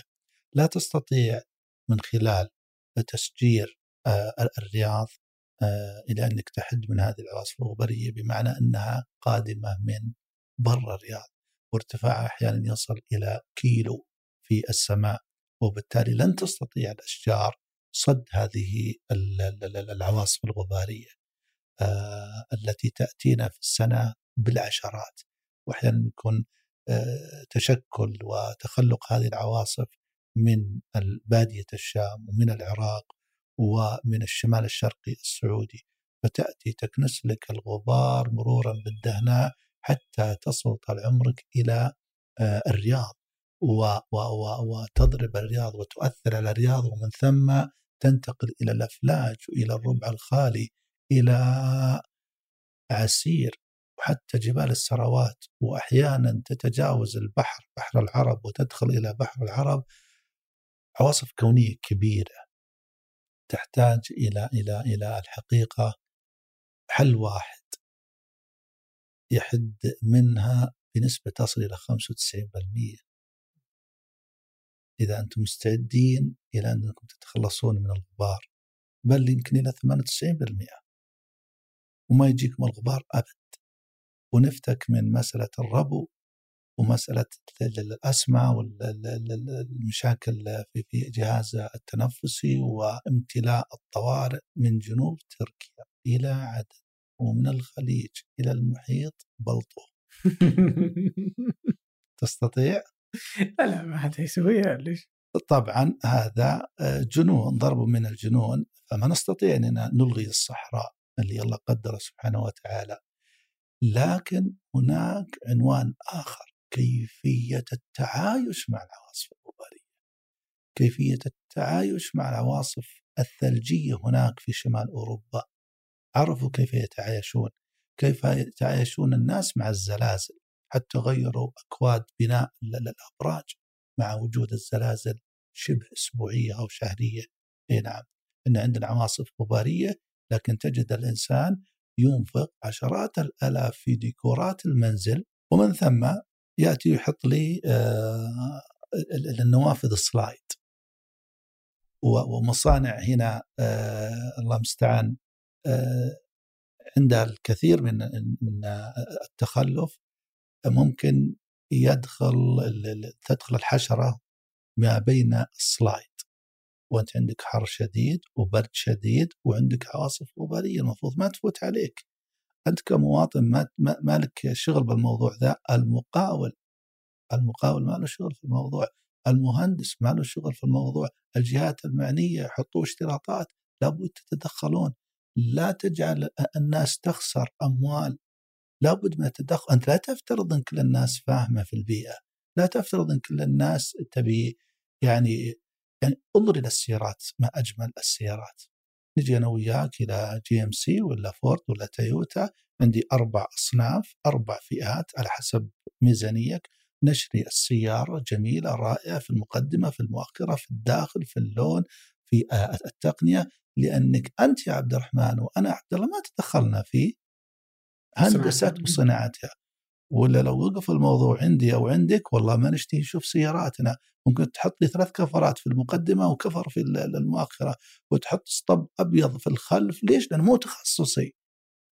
تركنا المجال هذا للمتخصصين وهم كثر فجاء المنتج والمخرج جميل ورائع ومقبول. أما في منازلنا مع الأسف كل واحد يبني منزله بنفسه المدرس والزارع والنجار والمهندس والطبيب اللي يفهم واللي ما يفهم. كل يبني بيته وفق تفكيره ومتطلبات زوجته. وبالتالي صارت عندنا المخرجات مزعجة وغير متناغمة مع البيئة. عندك الباب الفلة حيكون عنده باب بابين ثلاث أبواب. تجد أن أسفل الباب ممكن يدخل الضب يعني كيف تفوت على مقاول شغال 30 سنة في الموضوع هذا؟ كيف تموت تفوت على مهندس سعودي يعرف بيئتنا فيدخل الغبار إلى المنزل ويؤثر على الأبناء والبنات اللي عندهم الربو ويضيف لهم أعباء بالتنظيف ومشاكل وعواصف تترى. نعم. وتجد أنهم كلفوا ديكورات دعنا من ديكورات المجلس. خلينا نخش دورة المياه عزكم الله. تجد أنه حاط آلاف مؤلفة بدورة المياه وهي دورة مياه وما أحسن إحكام إغلاق النافذة ولا الباب. ما ألومك كمواطن؟ أنا ألوم المهندسين المقاولين الجهات المعنية. العواصف الغبرية لازم نتعايش معها في بناء فلل ومنازل. نعم؟ وأبراج محكمه الاغلاق أنا في وسط العاصفة إذا عندي وفي السيارة بالمناسبة إذا هبت العاصفة الغبارية وعندك منزل كلاسيكي تقليدي أقفز مباشرة داخل السيارة. السيارة أكثر احكاما من المنزل. تخيل بالذات الياباني. أما الأمريكي تلقى عليه يعني مو محكم الاغلاق لأسباب صحية يعني ممكن يدخل عليك الغبار قليلا. فالسيارة أفضل مكان للجوء وأنا اقترحت شيء سميته الغرفة النقية في مواجهة العواصف الرملية. أي إنسان عنده لأني دخلت بيوت والله يا عبد الرحمن عام 2006 ضربت القصيم كتبت فيها صفحة كاملة في جريدة الرياض. عاصفه غبارية قسما بالله. قلبت النهار مو إلى ليل يا ليته. الليل أولع الإضاءة وأشوف 100 متر 200 متر. أقول لك ما تشوف نهاية كبوت السيارة. 100 متر ما تشوف لأن حبيبات الرمل حتى الخشنة عالقة. فما بالك بال دخلت في منزل كان مستأجر ذاك الوقت. والله إني أشوف الغبار في, في الجو بيني وبين أولادي داخل داخل المنزل. فهذه الاشتراطات اللي المفروض آه، تكون في المنازل من أجل مواجهة العواصف الغبارية. إذا عندك مريض في الربو ضع له غرفة آه، تخلى عن آه، المكيف الشباك مكيف الشباك ضع سبلت اللي له تقنية الفلاتر. ضع جهاز التقنية تقنية الهواء الداخلي. غير كل الفرشات إلى أن يكون سيراميك. الجلسات يكون جلد ما يكون مخمل. الستائر يكون خشبية سلايدات أو أو ألمنيوم ما يكون أيضا من القماش. الباب وما أدراك ما الباب يكون الباب جاي من المصنع مو من من المنجرة. المناجر ما يعتنون بالعتبات السفلية. دائما العتبة السفلية ما موجودة. المفروض العتبة السفلية مثل العتبات الثلاث المتبقية وهناك الربل عندما أغلق الباب يكون مثل باب الثلاجة ومثل باب السيارة بمعنى لا يدخل نسمة هواء إلى الغرفة النقية. وخلى المريض يجلس أثناء هو بالعاصفة 24 ساعة أكثر أقل وعنده كل شيء تمام؟ أو أنك توديه للطوارئ. أنت بين خيارين. وخذ من المشاكل اللي راح تواجهك ومضيعة الوقت. تقول أضع غرفة نقية. يوم اقترحت الاقتراح هذا قالوا الناس عطنا سكن وعطنا وعطنا إحنا بشقق وما شابه ذلك. بإمكان حتى الشقة بإمكانك إنك توفر في غرفة النوم وما لا يدرك كله لا يترك جله توفر جزء من هذه الأمور. أيضا في المدارس لأن أحيانا تضرب العواصف الغبارية في الفترة الصباحية. أختصر وأقول آه، البناء. بناء المنازل عندنا في السعودية يجب أن يخرج من مزاجي ومزاجك نعم وتبنى المنازل وفق نماذج معدة سلفا أنا أجي وأشري النموذج. رقم سبعة والله يناسب النموذج رقم سبعة بميزانيته وبعدد أفراد العائلة ومن ثم آه، تأتي الشركة الفلانية المتخصصة وتبني البيت هذا اللي لو بنيته أنا راح يكلف ربما مليون ونص لكن الشركة ربما توفر لي نصف مليون لأنهم متخصصين. الأمر الثاني راح أجي لوظيفتي وأنا مرتاح ما راح أتغير من الوظيفة وما راح يرفع ضغطي النجار وما راح طال عمرك يرفع سكري الحداد ومو كل يوم وأنا جالس في يعني أشغلت الناس في عمارة المباني. أي إنسان عمر لنفسه تجد فيه مشاكل مرضية بسبب مواجهة العمالة وغير مختصة وبالنهاية يخرج يكون المخرج سيء. إيه. سيء المخرج. هم بعدين إذا رحنا يمين يسار يزين بيوتهم ويجب ورا بيوتنا ما بكذا لأنك أنت اللي بنيه وذاك مهندس وشركة اللي بنته. على سبيل المثال في المجمعات السكنية سواء كانت عسكرية في المدن العسكرية في السعودية أو في الجبيل أو في ينبع انظر كيف كانت المخرجات. جدا رائعة وجميلة. راح توفر جهد ومال على المواطن وأيضا الجهات الحكومية اللي أنا أشتغل فيها أيضا موظف يأتي وذهنه صافي وغير متعب ومو قلق مو قلبه معلق في في عند العمال هناك. أي نعم هذه جميلة. حتى ممكن أصلا داخل داخل المنشأة نفسها. يعني إذا ما كانت في اشتراطات أنا أتصور كذا إذا إذا نبغى نبني أنا أول مرة أسمع بالفكرة ذي بس أتصور إذا نبغى نسويها افترض إنه يعني اليابان ما كانت تبني هذه إنه أنا أروح أسوي البنيان حقي كذا إلا لو إنه إرادة حكومية إنه يكون بهذا الشكل. يعني هي أنا ما أقدر أعرف يعني بيتنا واضح يعني كذا كل ما جاء غبار أمي تجلس بهذله علشان ما يدخل غبار في البيت.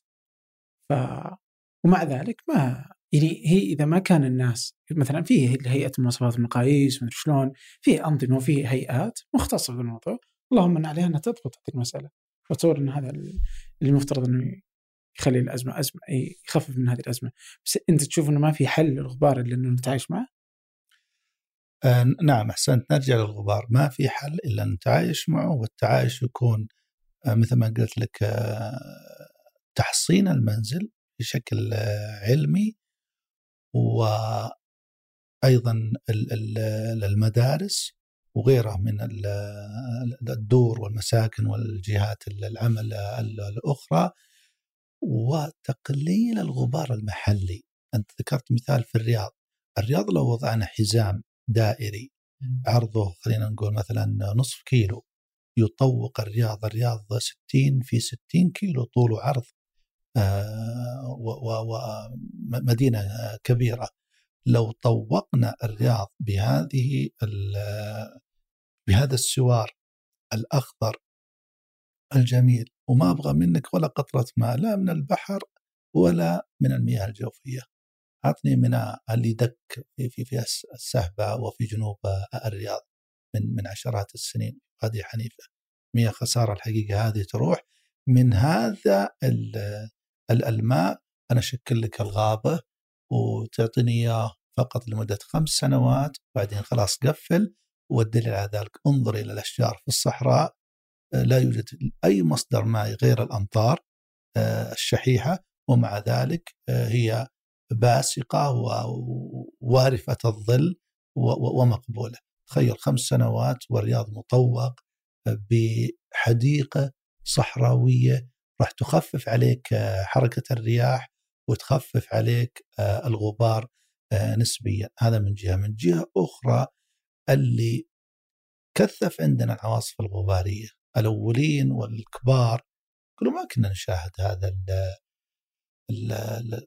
الظلمة الشديدة هذه ما كنا نشاهدها. يعني أنا أتكلم عن عن عن تاريخ لحقت عليه يعني في التسعينات مثلا يوم كنت في الابتدائي.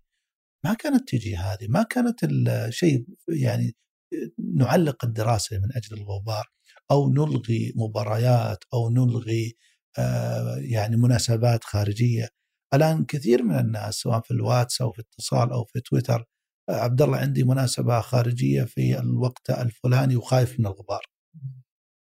فعلا ممكن يجي الغبار يخسرك آلاف وتتفشل مع الجمهور ما كنا نأخذ حساب عامل الغبار قبل 30 سنة. وش اللي تغير؟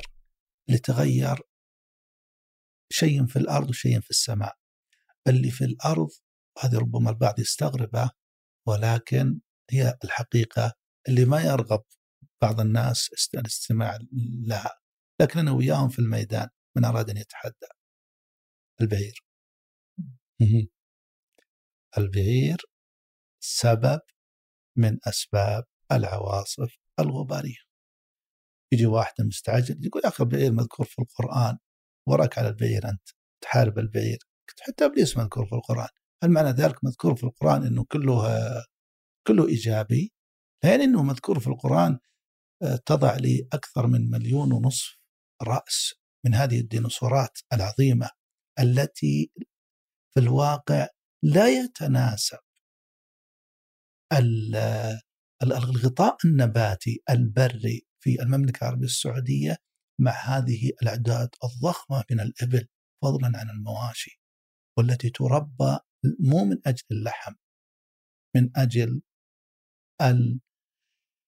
الشو فقط يعني مهايط تمام واحيانا تجارة واحيانا يقول والله يعني وناس وإلا هواية ما نقول شيء. هواية راسين ثلاث رؤوس خمسة. لكن هواية آه، عندك أكثر من من من 500 رأس وتطلق على مساحة أكبر من مساحة الرياض. تقوم بحصد سلمك الله الغطاء النباتي من جذورها. وأهل الحلال بالذات الإبل لا يعترفون. ما وجدت واحد يعترف وأنا وياهم في تحدي. والكاميرا موجودة والصور موجودة. ويقول لك أبد المشكلة من الغنم أهل الحلال هم اللي آه، والمواشي هم اللي غيروا في الغطاء النباتي. البعير وش حليله؟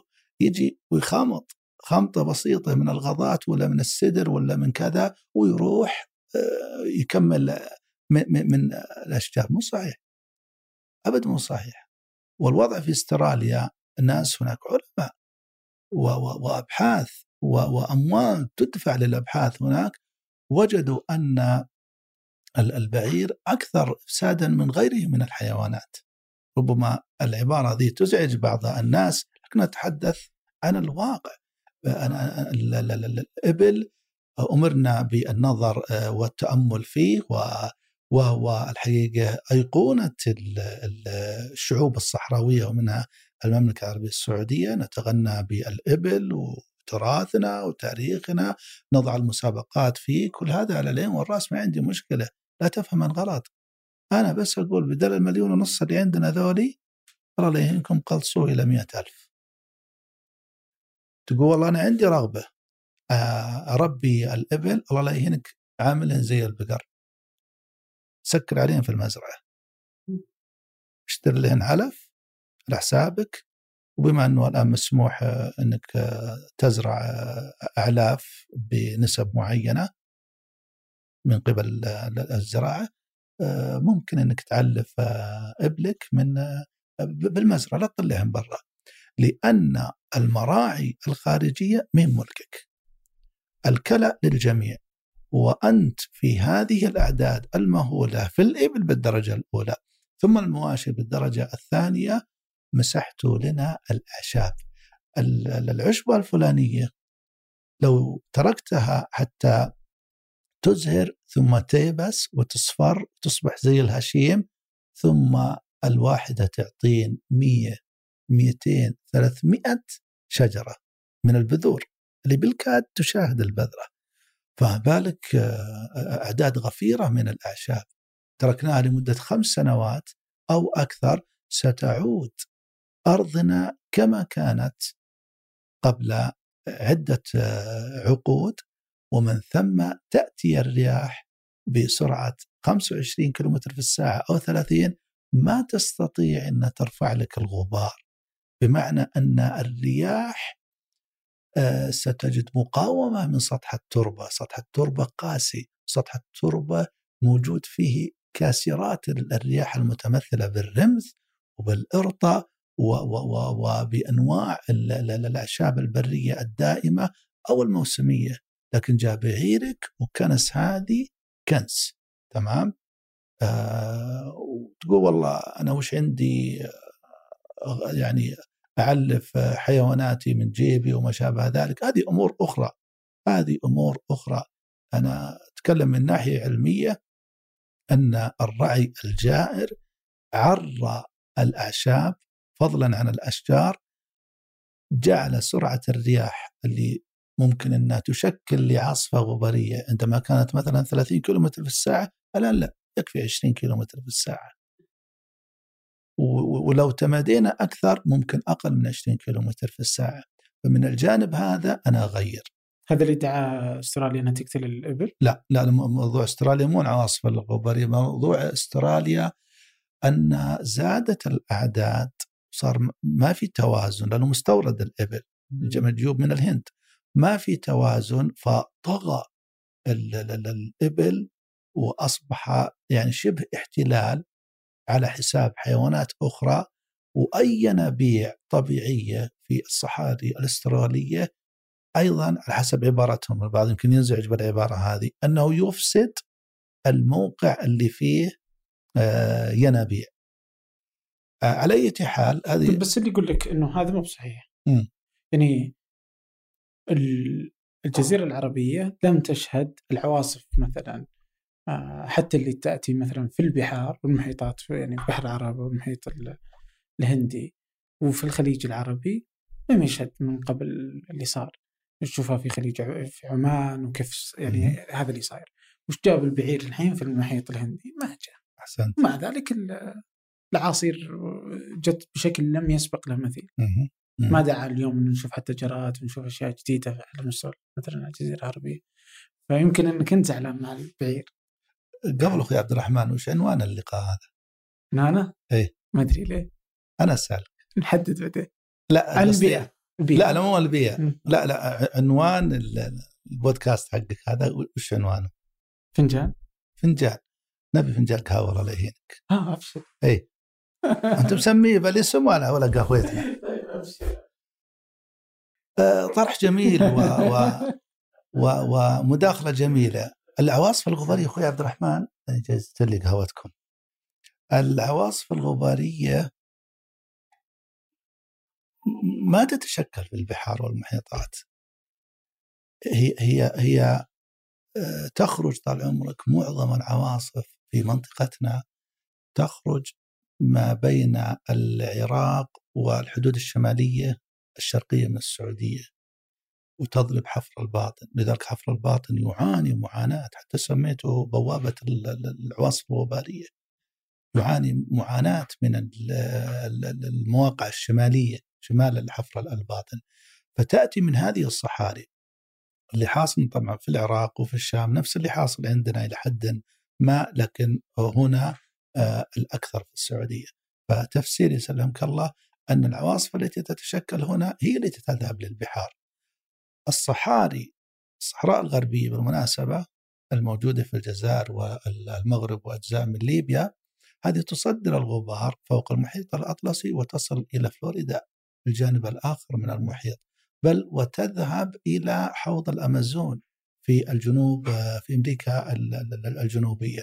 كما أن عواصف الغبارية في السعودية تغذي البلانكتون في بحر العرب وفي المحيط الهندي بالحديد والفسفور بمعادن تخصبها فتأتي الأسماك فترعى من هذه الكائنات الحية فيكون مرعى خصب هذه بالمناسبة من فوائد العواصف الغبارية اللي قدر الله سبحانه وتعالى في كوكب الأرض قبل أن يأتي البعير قبل أن يأتي الإنسان كما هي موجودة بالمناسبة في كواكب أخرى مثل المريخ.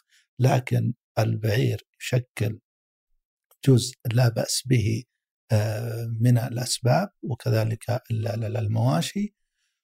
والسبب الجوي الذي ذكرته هو التغير المناخي. أصبحت العناصر الجوية من مطر وحر وبرد وضغط جوي ورياح وصواعق وبرد آه، أصبحت أكثر عنفا مما هي عليه قبل عدة عقود وما ذاك إلا بسبب التغير المناخي الذي يشهده كوكب الأرض وبالتالي سرعة الرياح ساهمت في تكوين هذه الظلمة التي تتكرر علينا بين الحين والآخر. هذا جانب سماوي يضاف إليه الجانب الأرضي والله أعلم. أنت لما تقول سماوي هل تقصد إنه رباني ولا من السماء؟ كلها ربانية الأرضي والسماوي كله رباني وقدر من الله سبحانه وتعالى ولكن قصدي يعني سبب سماوي اللي هو الغلاف الجوي ممتاز هنا. طيب أنا بجي آه، مدخل جيد للمناخ تغير المناخ والاحتباس الحراري بتصور أنه إحنا ذكرنا كذا واضح أن عندنا مشكلة في الأمن المائي في السعودية بعدين عندنا التشجير بعدين عندنا التصحر الغبار آه، العواصف اللي تضرب بالخليج يمنة ويسرى والعواصف اللي جالسين نشوفها بشكل لم يسبق له مثيل. واليوم كل العلماء يخوفون من مسألة التغير المناخي. كيف تقدر تشوفها اليوم إذا هذا إحنا اليوم نتكلم في 2020 إحنا في 2020 ولا 2020 طيب. واضح إني ضيعت سنوات. فاذا نتكلم في 2020 نتكلم عن هالأزمات اللي إحنا نعيش في عندنا سواء ما أتوقع إنه التغير المناخي كله إلا بفعل الإنسان. فنجي إذا جينا اللي اللي جالس في السعودية مثلا من إنه كميات المياه أقل ما أدري شلون فالتشجير أقل. آه النفايات اللي جالسه يصدرها الإنسان أكثر كثيرة مثلا في السعودية. بعدين عندنا برضو اللي جالس يصير على مستوى العالم اللي جالس يأثر على كل الكوكب. من من كل هال جالس الدول المتقدمة والنفط ومدري شلون وكل هالاستهلاك اللي جالس يصير. إذا هذا اليوم وأنت خايف كيف بنصير في 2050 خلينا نرجع على موضوع 2020 آه وأيضا 19 آه أحيانا سبحان الله تحصل حتى عندي يعني تنسى التاريخ تنسى السنة. وهذه ما كانت موجودة قبل سنوات بالمناسبة لكن إيقاعات الحياة اليومية السريعه جدا. والدقة في المواعيد وكثرة اللقاءات وكثرة الإنتاج أصبح الإنسان ينتج أكثر مما كان أول. آه، بالمناسبة ممكن وأنت نازل في الدرج آه، تقوم بعملية عبر جوالك كان أول تجلس طحوية عشان تكتب الخطاب وتذهب للبريد وتضع الطابعة الطوابع البريدية و و و عشان تنجز آه، رسالة. هذه جعلت الإنسان حتى السنة ينساها بسرعة إيقاعات الحياة. أما التغير المناخي فهي أزمة عصرية عالمية لدرجة أن المؤتمرات العالمية الاقتصادية والسياسية و و و لم تكن بنسبة المؤتمرات التي تحشد من أجل التغير المناخي أو يوم الأرض. أحيانا يجتمع أكثر من 190 رئيس دولة من أجل البحث في مسألة التغير المناخي ما الذي حصل في كوكب الأرض كوكب الأرض الآن يعاني يعاني من ال global warming الاحترار المناخي بسبب غازات الدفيئة مثل ثاني أكسيد الكربون وأيضا الميثان وغاز ال CFC وغيره من الغازات. الله عندما خلق هذا الكوكب ويقدر العلماء أن عمره 4.6 مليار سنة وما جينا إحنا إلا بالساعات الأخيرة من هذا الكوكب. خلقه الله سبحانه وتعالى فلما وصل الكوكب إلى أنه يتناسب مع هذا المخلوق المتمثل الإنسان جاء الإنسان. فتركيب الغلاف الجوي بغازاته وعناصره مقدرة بتقديرات إلهية كونية. فيأتي الإنسان ويفسد في هذا الأمر ويتدخل في تغيير التركيبة لا تلوم إلا نفسك. نحن منذ أن بدأت الثورة الصناعية من أكثر من سبع عقود ونحن نواصل تلويث كوكب الأرض عبر الطائرات والسيارات والمصانع والغواصات والسفن.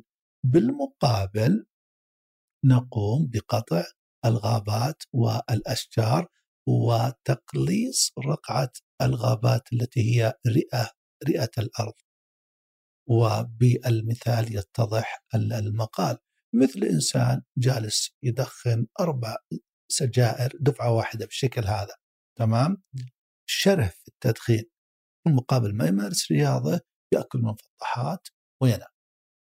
يعني لا هذه ولا ذي اللي صاير في الأرض نفس الشيء. نقطع الغابات ونلوث الكون. الغابات هي التي تعالج المشاكل اللي أنت تلفظه وبالتالي فقنا متأخرين في الواقع. ك, ك يعني أتكلم عن مستوى العالم. فبدأوا في عملية الاستزراع الصحاري الممطرة.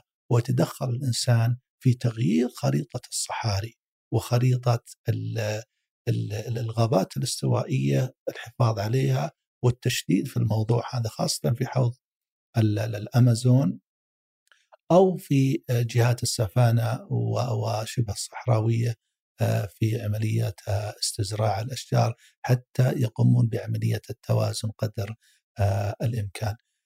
ارتفعت الحرارة لأن الغازات تغيرت وتغير علينا المناخ ذاب الجليد في القطبين الشمالي والجنوبي أيضا قمم الجبال مثل كلمنجارو وهيمالايا وأيضا جبال الألب وغيرها من القمم الثلجية في في في هذه الجبال المرتفعة بدأت تذوب ما السبب يا ترى في هذا؟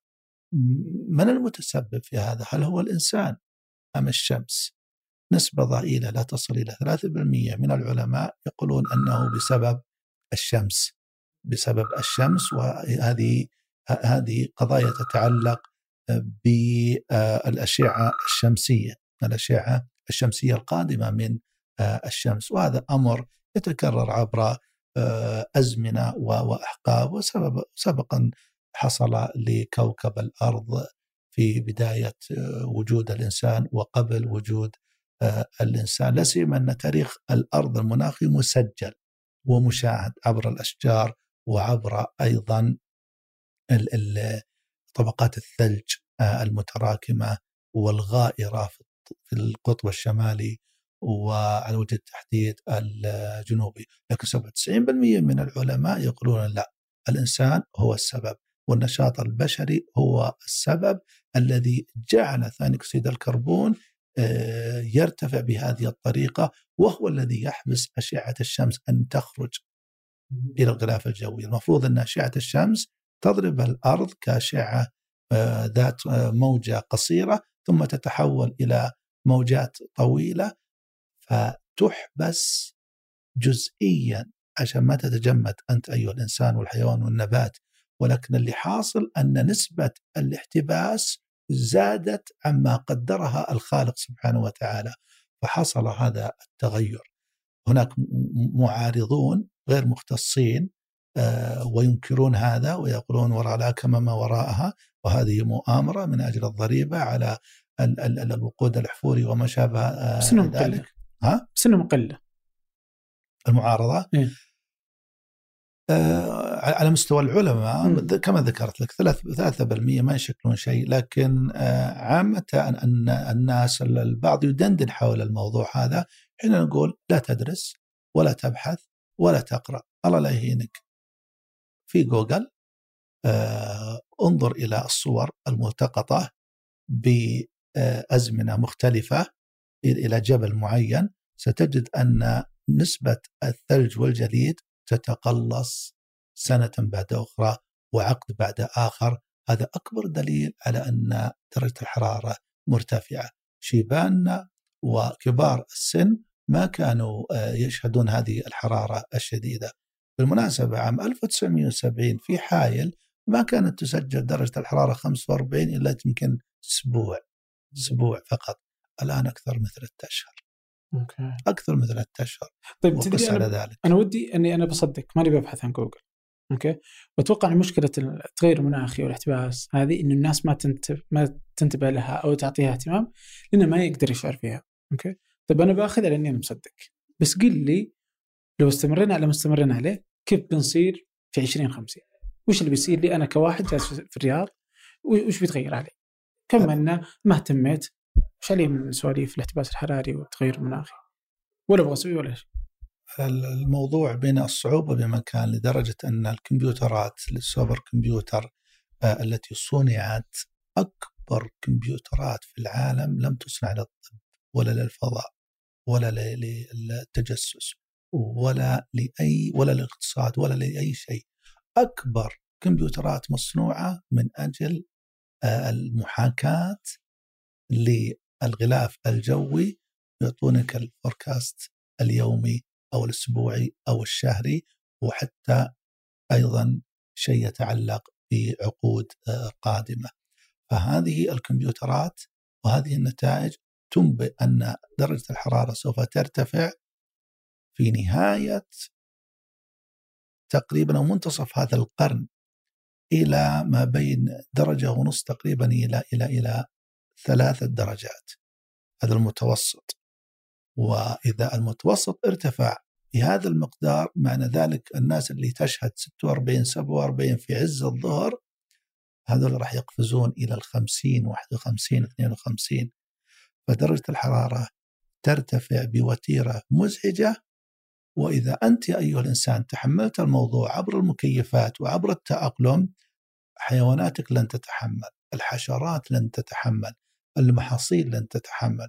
سمعت أكثر من واحد البارح فقط يقول والله عندي الشجرة الفلانية آه، ماتت من شدة الحر هذا الأسبوع الأسبوع الماضي. إذا خسره سنة سنتين. خلاص بدأت بعض ال- ال- النباتات وبعض المحاصيل لا تتحمل هذه الدرجة المهولة.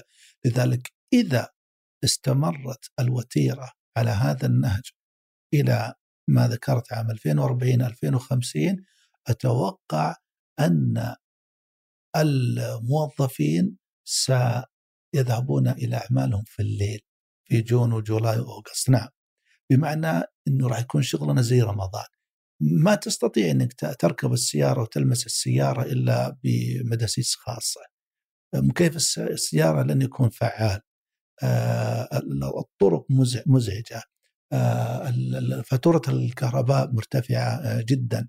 فأفضل شيء أننا نتخلى عن درجة الحرارة 50 ربما نصل إلى الخمسينات وتكون طبيعية.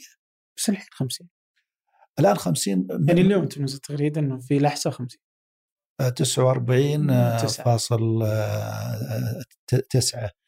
آه، ال- ال- ال 50 خلينا نسحبها على كل المملكة العربية السعودية ومثل ما تفضلت. يعني الآن و- في جنوب العراق قبل كم سنة؟ 54 في القيصومة 52 يعني ممكن نوصل 60 ولا. بس بنوصل 54 زي 53 هذه الدرجتين المئويتين اللي يتكلمون عنها. ولا انها مضاعفاتها بتوصل لأنها توصل يعني هي درجتين بس اللي بيشعر فيه الإنسان وممكن اللي يصير عليه إنها بتوصل أكثر من كذا ولا؟ طبعا إذا وصلت إلى المحطات القياسية ال- المعيارية إلى 50 معنى ذلك أنه في السيارة وفي أجهزة القياس اللي موجودة في الشارع آه، الشارع وغيره آه، تضيف له آه، خمس درجات ست درجات. إي نعم. فإذا كانت درجة الحرارة في طريق الملك فهد عليه السلام مثلا 56 ما يستطيع الإنسان انه يخرج. في في- فيها كلفة عليك وعلى الآلة وعلى أجهزة التكييف اللي ما راح تكون. وبعدين أنت عندك في مكتب لكن غيرك يطلع ويخرج من من مبنى إلى مبنى. وبعض الأعمال من حراسات وغيره راح تكون في الهواء الطلق آه، والسيارات تحتاج أيضا إلى ظل. فالناس سوف تنتقل إلى العمل الليلي حتى تنخفض خلينا نقول من 55 إلى 45 وربما 40 في الليل ولكنها مقبولة. طبعا في حلول بالمناسبة وإن كنت أطلت في هذا حل غير التشجير والتخضير وغير الحد من غازات الدفيئة. المراهنه في المملكة العربية السعودية على وجه التحديد إلى أن نواجه هذا الارتفاع المهول والمزعج على مستوى الإنسان والحيوان والنبات والآلة بل وحتى الجماد بالمناسبه حتى البنيان عندك يتمدد وينكمش ويحصل فيه تصدعات. ما هو الحل؟ الحل طرحته على حكومة دبي بطريقة خاصة. وهي فكرة عندي لدى طالب دكتوراه راح نطبقها إن شاء الله. عمل مظلات عملاقة. مظلات عملاقة فوق الأحياء، الأحياء على دورين. فانا ممكن أضع أبراج مثل أبراج الإنارة. التي توجد في الميادين المرتفعة ثم آه، تنشر هذه المظلات الجميلة بشكلها والبيضاء الناصعة سوف تجعل المباني تحت سحابة صناعية وتحت ظل سحابة صناعية. ستخفض درجة الحرارة إذا قلنا والله 50 تحت هذه المظلة. أتوقع والدراسة لسه ما ما, ما أنشئت ببدايتها أتوقع أننا سنحصل إلى إلى إلى ناقص 12 إن شاء الله. يعني ممكن تكون 38 تكون ممكن 40 العشرة إن شاء الله بإذن الله تعالى ستنخفض عن عشر درجات بسبب هذه المظلات العملاقة التي تنصب في فصل الصيف وإن كانت آلية تنصب في مع شروق الشمس وتزال آليا مع غروب آه، الشمس حتى تشاهد النجوم ويكون في حركة للهواء. البعض يقول هذا ضرب من الخيال. طيب لو قلت لك قبل خمسين سنة أخوي عبد الرحمن أنك راح تمشي من الشرقية إلى الغربية أكثر من ألف كيلو وشبك يمينك وشبك يسارك وشبك في الوسط وتثبت السرعة على 140 تمام؟ ومعك جوال تتحدث فيه وتشاهد القنوات الفضائية. تقول هذا وين؟ هذا حتى في الطيارة ما يحصل. حتى الطيارة ما فيها قنوات فضائية لايف الآن شبك يمينك ويسارك وربما إضاءة على الطاقة الشمسية. يعني أنا لا أتحدث عن خيال.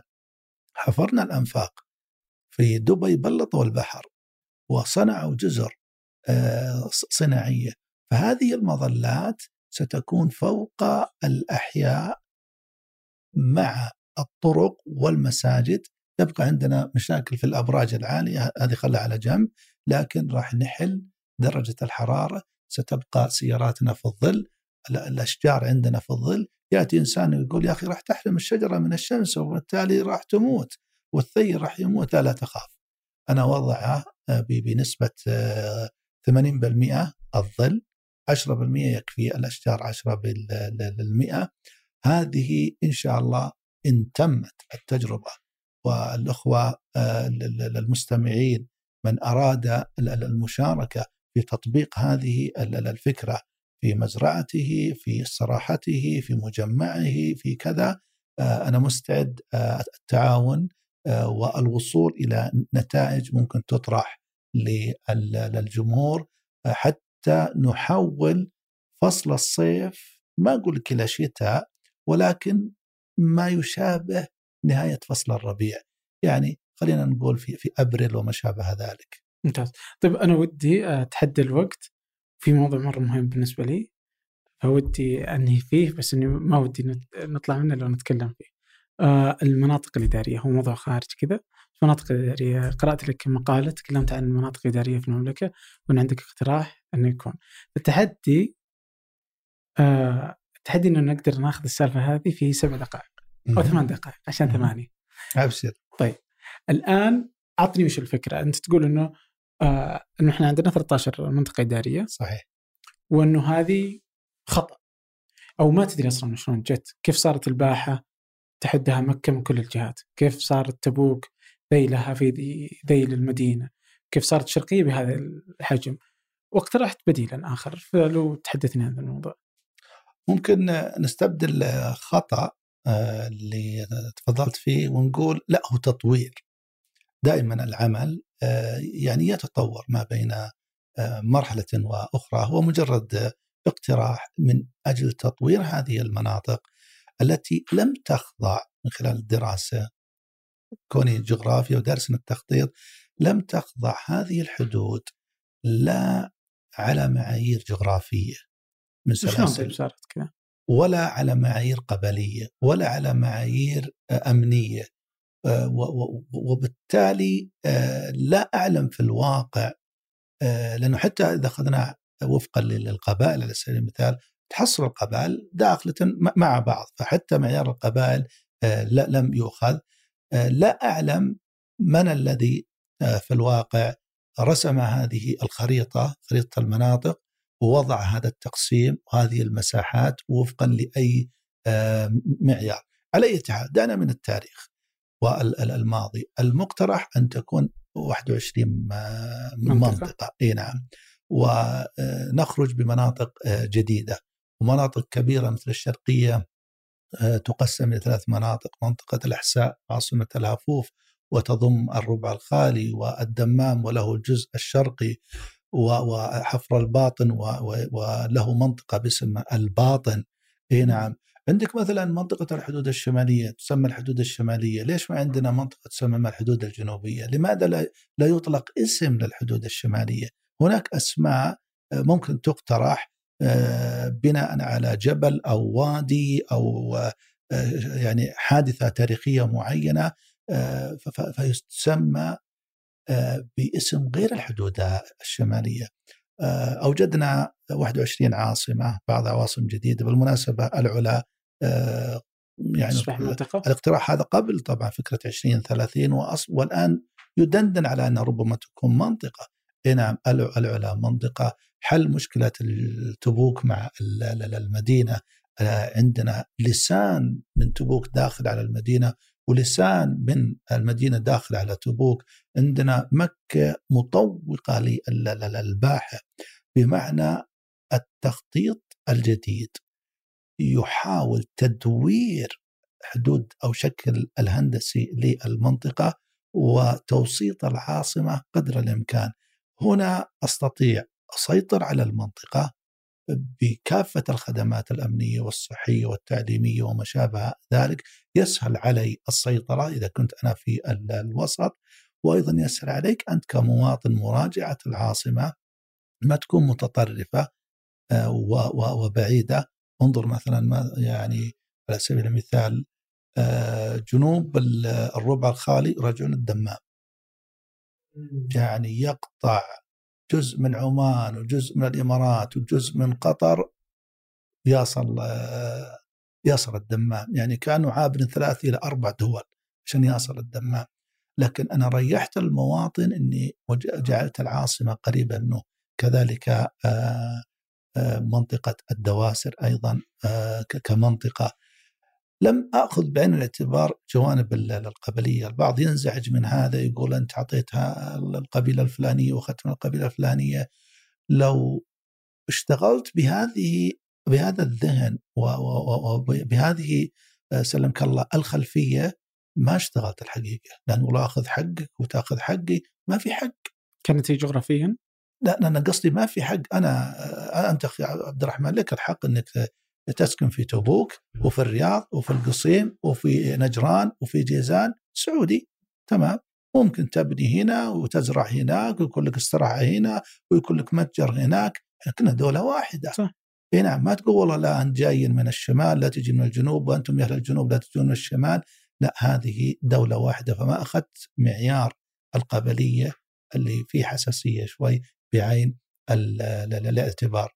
أضف لذلك إني راح أخلق وظائف كثيرة آه، عندما أؤسس 21 آه، آه، عاصمة للمناطق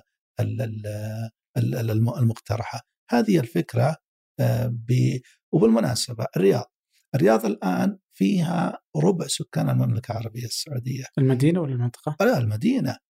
وعندنا 2 مليون كيلو متر مربع للهواء والشمس. يعني تكدسوا الناس في الرياض. لذلك في مقترح ثاني إلى إنشاء عاصمة سياسية للرياض خارج الرياض. الرياض الحالية تكون هي العاصمة التجارية السياحية الثقافية الاقتصادية. أما العاصمة السياسية آه، اقترحت أن تكون فوق جبال العرمة في المنطقة اتجاه رماح. هناك بعيدة. حتى لا ينشغل السياسيون آه، بكثرة وكثافة السكان أكثر من سبعة مليون ولا أيضا ينزعج السكان من عملية المؤتمرات السياسية وزيارة الوفود السياسية وتقفيل الشوارع والطرق وما شابه آه، ذلك. فالرياض في فكرة المناطق صغرت إلى أن الرياض لوحده كعاصمة 60 ب 60 كيلو يمثل منطقة لوحده. ليش؟